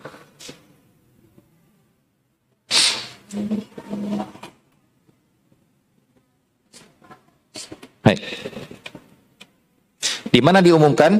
Di tempat keramaian. Ada dikecualikan masjid. Nggak boleh. Ngomong-ngomongkan di dalam masjid. Kalau di luar masjid, Ustaz, Ya Allah menurut saya kalau di dalam masjid nggak apa-apa. Yang nggak boleh mengumumkan di dalam masjid. Karena orang yang mengumumkan di dalam masjid malah doanya semoga nggak ditemukan. Orang yang jualan di dalam masjid didoakan oleh Rasulullah SAW semoga nggak untung jualan kamu. Nah, ini istilahnya itu uh, mendoakan sesuatu yang apa yang berbeda dengan keinginan orangnya. Orang ngumumkan di masjid kan biar nemukan, biar ditemukan. Malah didoakan biar nggak ditemukan. Orang jualan di masjid kan, penjualan kan biar untung. Malah didoakan biar nggak untung. Kenapa? Karena dia telah menjadikan masjid tempat yang tidak pantas dilakukan, yaitu jual beli dan mengumumkan harta. Jadi gimana mengumumkan? Di luar masjid aja lah. Bikin, pengum, bikin papan pengumuman, yang bisa semua orang untuk mengakses orang yang lalu lalang di depan masjid.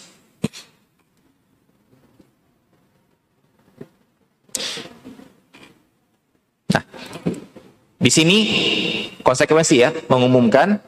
Nah, selama pengumuman ini, ternyata kan pengumumannya satu tahun. Nah, ada barang-barang yang butuh perawatan. Ada barang-barang yang busuk gak, gak tahan sampai satu tahun. Masa saya ngumumkan mangga satu nemu mangga tiga kilo satu tahun Ustaz? Kan orang seperti itu. Nah, beda, kalau HP masih bisa lah. Kalau yang lain, ini masa saya menemukan apa ayam Ngomongkan apa ngomongkan satu tahun Ustaz. Satu tahun berapa makanannya bisa sampai mati nanti gitu. Maka mari kita lihat ada perlakuan-perlakuan beberapa uh, benda selama satu tahun ketika mau diumumkan ini. Pengumuman tetap ya, pengumuman tetap satu tahun. Cuma bendanya diperlakukan bagaimana. Nah, untuk satu tahun ini, kita balik lagi, untuk satu tahun ini tidak diperinci dalam syariat oleh Rasulullah SAW Gimana cara mengumumkannya? Apakah setiap hari? Tidak diperinci dalam syariat. Nah kata Syekh Utsaimin, para ulama ada yang beristihad. Cara mengumumkannya adalah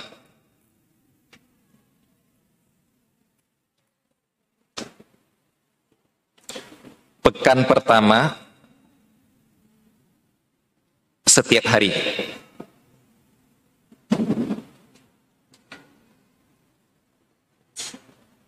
Kemudian satu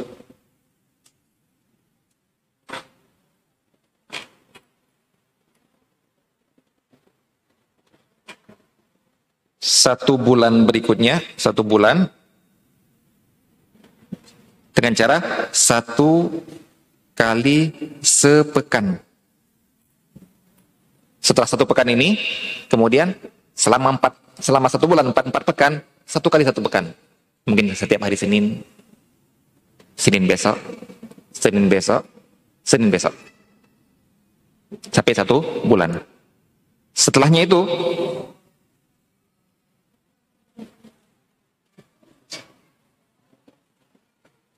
kemudian setiap hmm, sekali sebulan sampai setahun. Ini kata Syekh Thaimin, sebagian ulama beristiad seperti ini. Karena, karena kenapa mereka beristiad? Karena nggak ada dalil perinciannya. Para ulama memperinci sendiri dan ini tidak mengapa. Akan tetapi kemudian Syekh Thaimin mengatakan, karena ini istiadnya nggak ada dalilnya, bisa diterima, bisa tidak, maka yang tepatnya adalah kembalikan ke adat atau uruf.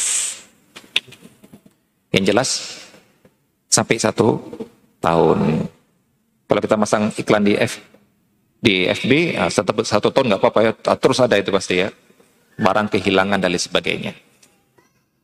Baik. Bagaimana perlakuan terhadap benda tersebut selama satu tahun ini?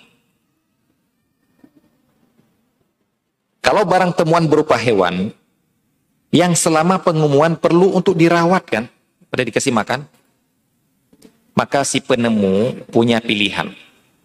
Apa itu? Pilihan pertama, kasih makan gratis. Udah saya kasih makan gratis. Selama satu tahun kasih makan gratis, nggak saya nuntut. Nah, ini dikembalikan kepada niat. Ada orang yang membantu orang lain. Niatnya nanti kalau orangnya datang saya minta kembalikan uang. Ada orang yang membantu orang lain, niatnya bantu benar maka kalau niatnya bantu benar, nggak boleh minta ganti.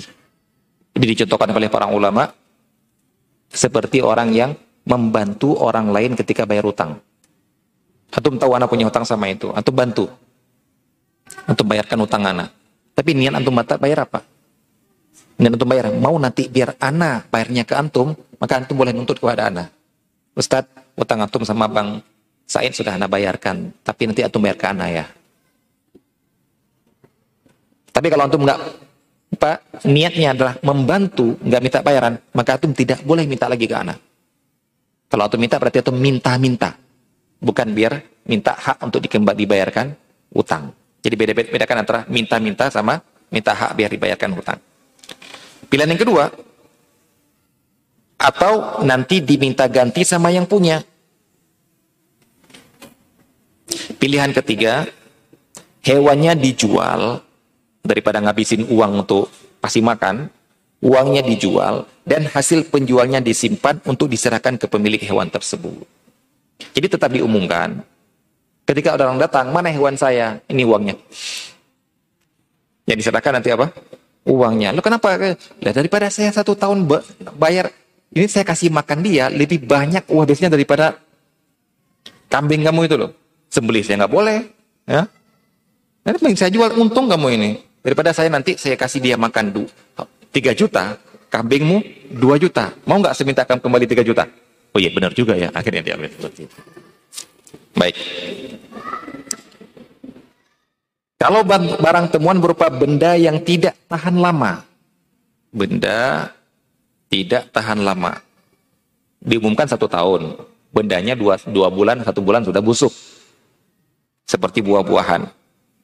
Maka penemu boleh pertama mengkonsumsi dan menanggung biayanya. Maksudnya apa?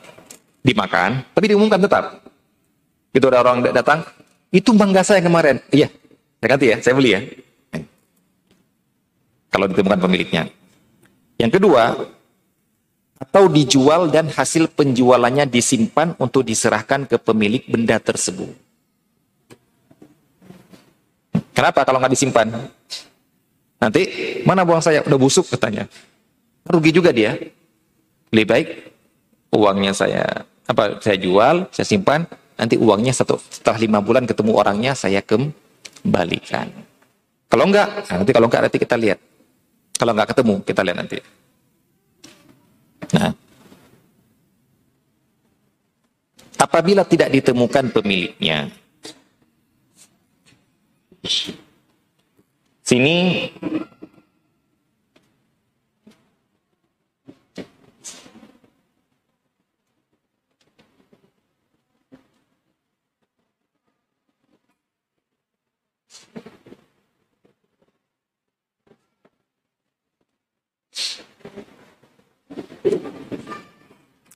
Apabila tidak ditemukan pembunuhnya setelah berlalu satu tahun, maka boleh dimiliki oleh penemunya.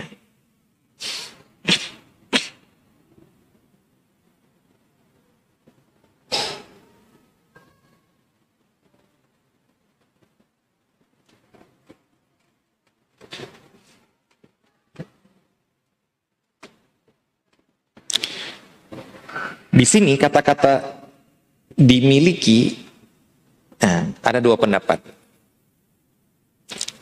Pendapat yang pertama adalah otomatis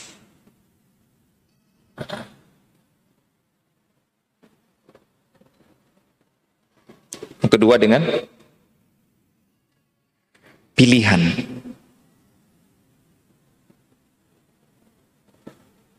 Apa itu?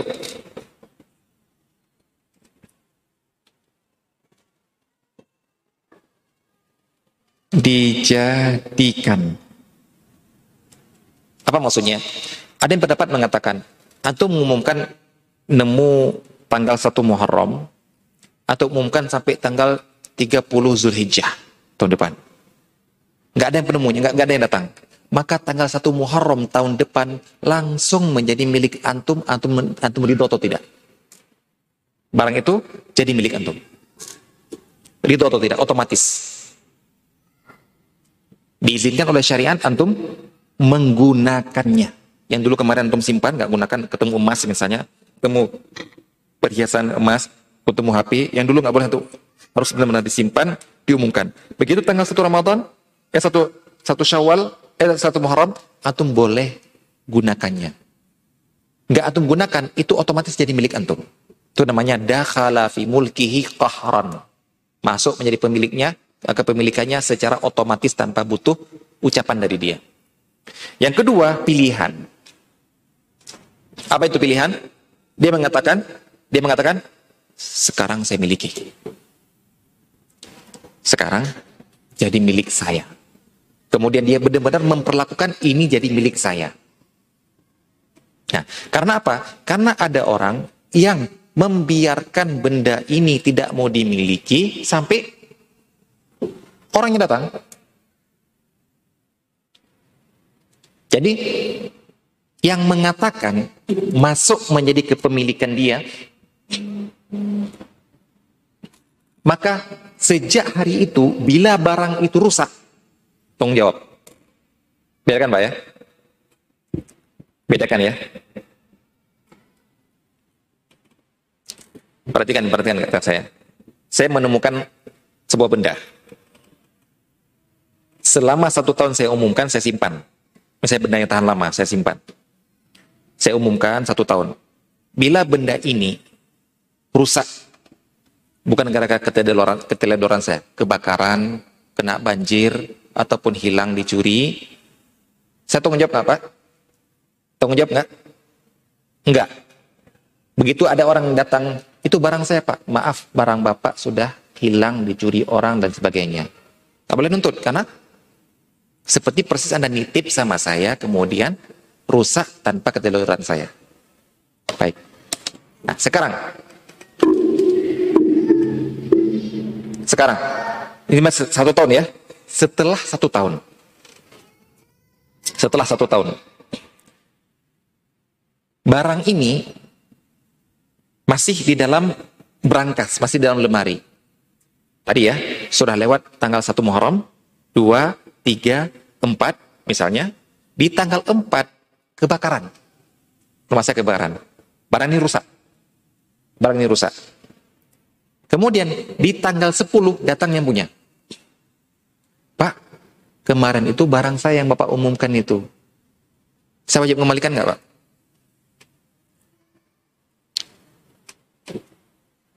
Karena rusak, bukan tanggung jawab saya. Nah, ini perhatikan. Bagi yang mengatakan barang ini mau tidak mau jadi milik Anda, maka kalau begitu rusak, kembalikan. Kenapa? Sekarang dia rusak, Anda bukan sebagai amanah, sekarang Anda doman. Anda bertanggung jawab mengembalikan benda orang lain yang sudah Anda miliki, maka harus kembalikan. Persis seperti ini, Pak. Persis seperti ini.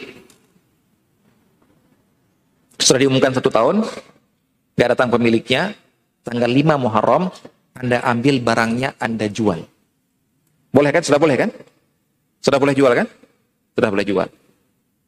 Ataupun Anda makan misalnya, ataupun apa yang bisa yang bisa disimpan satu tahun, kemudian Anda makan, Anda gunakan, Anda potong, misalnya ketemu satu, Anda potong dan sebagainya, udah hancur lah.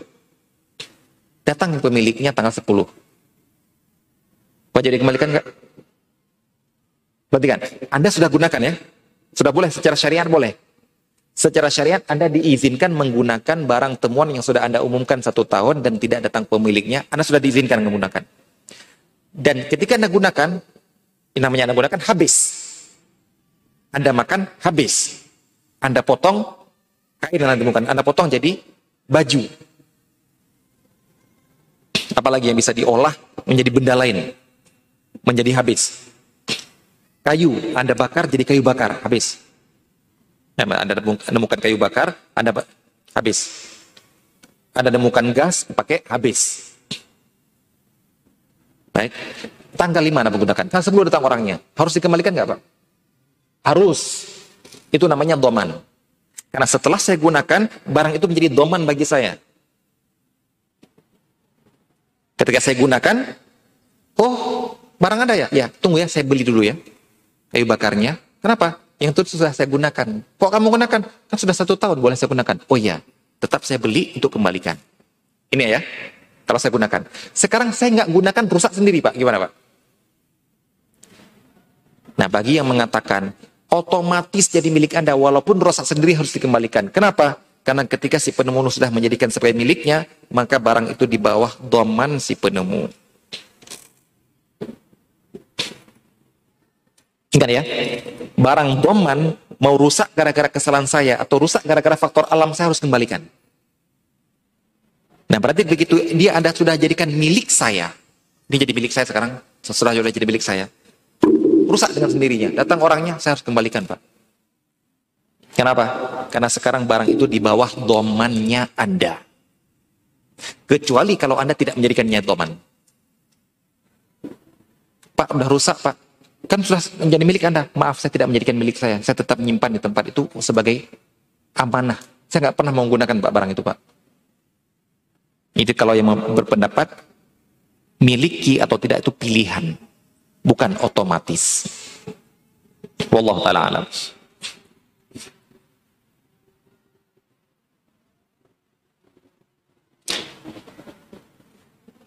Ketika menggunakan itu Pak, tetap mengingat, mencatat ciri-ciri barang tersebut sebelum dijadikan miliknya. Ini dikatakan ciri-ciri di sini, di dalam hadis dikatakan seperti bungkusnya, ikatannya. Kenapa di sini disebutkan ya arif wika iha wa insafiha Ketahui bagaimana bentuk bungkusannya, bagaimana bentuk ikatannya. Kenapa? Karena dulu zaman dulu dompet itu bentuknya kulit yang diikat kring kring kring kring itu. Nah, zaman sekarang mungkin kita katakan ketahui bentuk dompetnya, ketahui bentuk apinya, ciri-cirinya ketahui. Jadi di sini ciri-ciri tergantung bendanya. Kenapa harus diketik di, di setelah mengingat karena sekarang ada mau menggunakan, mau Anda habiskan, mau Anda jual, miliki, ingat ciri-cirinya. Kenapa? Karena setelah itu pun jika datang pemilik aslinya tetap harus dikembalikan. Perhatikan Pak, itulah yang dinamakan tetap walaupun Anda sudah dibolehkan, perhatikan. Anda sudah dibolehkan oleh syariat untuk menggunakan barangnya. Benar. Tapi begitu datang pemilik aslinya, Anda tetap diwajibkan oleh syariat untuk mengembalikan kepada dia. Nggak boleh bilang, kok terlambat datang? Udah satu tahun saya umumkan nggak datang-datang. Udah habis. Loh kenapa dimakan? Kan boleh sama syariat. Ingat, boleh, tapi kalau datang pemiliknya tetap harus dikembalikan. Terus yang kemarin, kemarin diizinkan oleh syariat. Ini persis seperti orang yang membagi warisan dari orang yang hilang ada orang hilang. Itu anda menakan kasus Bang Toyib. Kasus Bang Toyib dalam warisan. Ada orang pergi merantau di kampung dia jadi punya tanah punya ternak punya rumah pergi merantau dua tahun tiga tahun nggak pulang-pulang. Dan nggak tahu rimbanya ke mana. Maka jadi bersatuskan orang hilang. Bagaimana status hartanya Bolehkah dibagi sebagai warisan? Bagaimana status istrinya? Bolehkah istrinya menikah lagi? Karena apa? Karena kita nggak tahu dia udah mati atau belum yang merantau ini. Nah, ini harus diputuskan oleh hakim. Yaitu dia diputuskan secara diur. Diur, dia telah mati. Begitu diputuskan oleh hakim, kita putuskan suami Anda itu sudah mati tok tok maka warisannya dibagi dan istrinya tinggal iddah 4 bulan 10 hari untuk menikah sama orang lain. Sudah dibagi warisan, ternaknya dibagi, sawahnya dibagi, rumahnya dibagi, datang. Ini kira-kira anak-anaknya senang apa marah? Bapak datang atau kok datang sih gitu. Nah, maka yang seperti ini yang kemarin Anda bagi warisan punya dia diizinkan secara hukum. Begitu datang de facto kenyataan maka kembali maka serahkan kembali kepada kenyataan yaitu nih Pak barangnya Pak. Sapi yang kemarin saya sembelih nanti saya kembalikan Pak ya. Nah, tanah yang kemarin sudah saya jual saya kembalikan lagi. Tapi saya menjual kemarin sah atau tidak? Sah Sapi yang kemarin saya sembelih untuk saya makan halal, halal. Tapi ke sekarang saya harus mengembalikan. Baik, kita cukupkan di sini. Insya Allah pertemuan yang akan datang akan kita bahas tentang judul sinetron sendal yang tertukar. Kalau judul sinetron kan anak yang tertukar. Wallahu taala alam.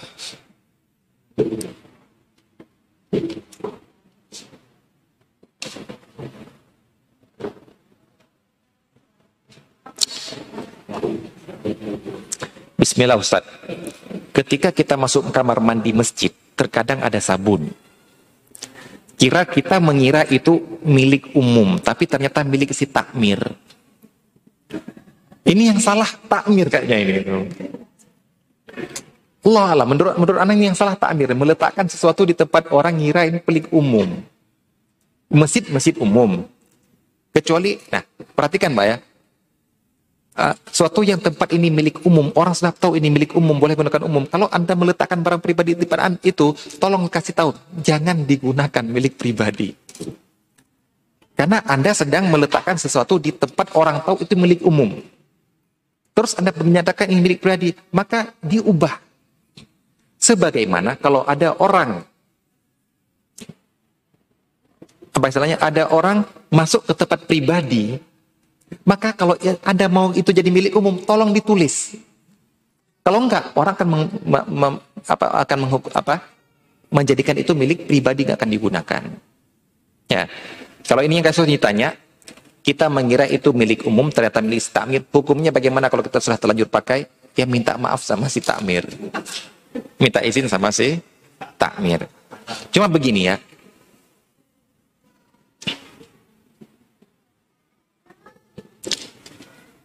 ada hal-hal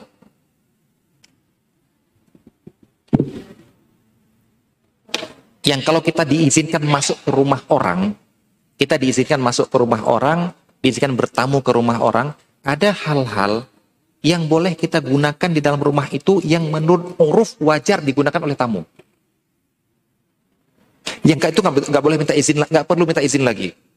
Contoh, anak diundang ke rumah bangsain, masuk set, masuk, ada jajan di depan. Di, di, di ruang tamu ada jajan di atas meja. Anda boleh tak langsung makan tanpa diizin? Ya, boleh. Karena apa? Karena ini memang untuk tamu. Siapa pun yang diizinkan masuk sebagai tamu, silahkan makan tanpa harus ada izin yang lain. Kalau memang uruf seperti itu. Tapi kalau urufnya, tapi urufnya yang di, yang di dapur boleh nggak Pak? Enggak. Kalau Anda masuk masuk ke dapur makan, maling itu. Yang boleh hanya yang di ruang tamu. Begitu juga ketika Anda misalnya dibolehkan menggunakan kamar mandi misalnya. Nah kira-kira menurut uruf, ketika Anda ditunjukkan kamar mandi rumah seseorang, tamu, kamar mandi, itu sabun boleh gunakan nggak? Yang Anda pahami boleh. Karena itu urufnya gunakan kamar mandi, air, sabun juga. Tapi kalau sampo kayaknya enggak. Sikat gigi juga enggak kayaknya itu. Jangan pakai sabun. Tapi kalau cuma sabun kayaknya iya. Namun semuanya dikembalikan kepada apa Pak? Uruf. Jadi ketika kita uh, ada sebuah izin, maka ada izin-izin lain yang mengikuti tanpa harus diizinkan lain. Contohnya dalam bertamu tadi. Wallahu taala alam. Baik, kita cukupkan di sini. Wassalamualaikum warahmatullahi wabarakatuh.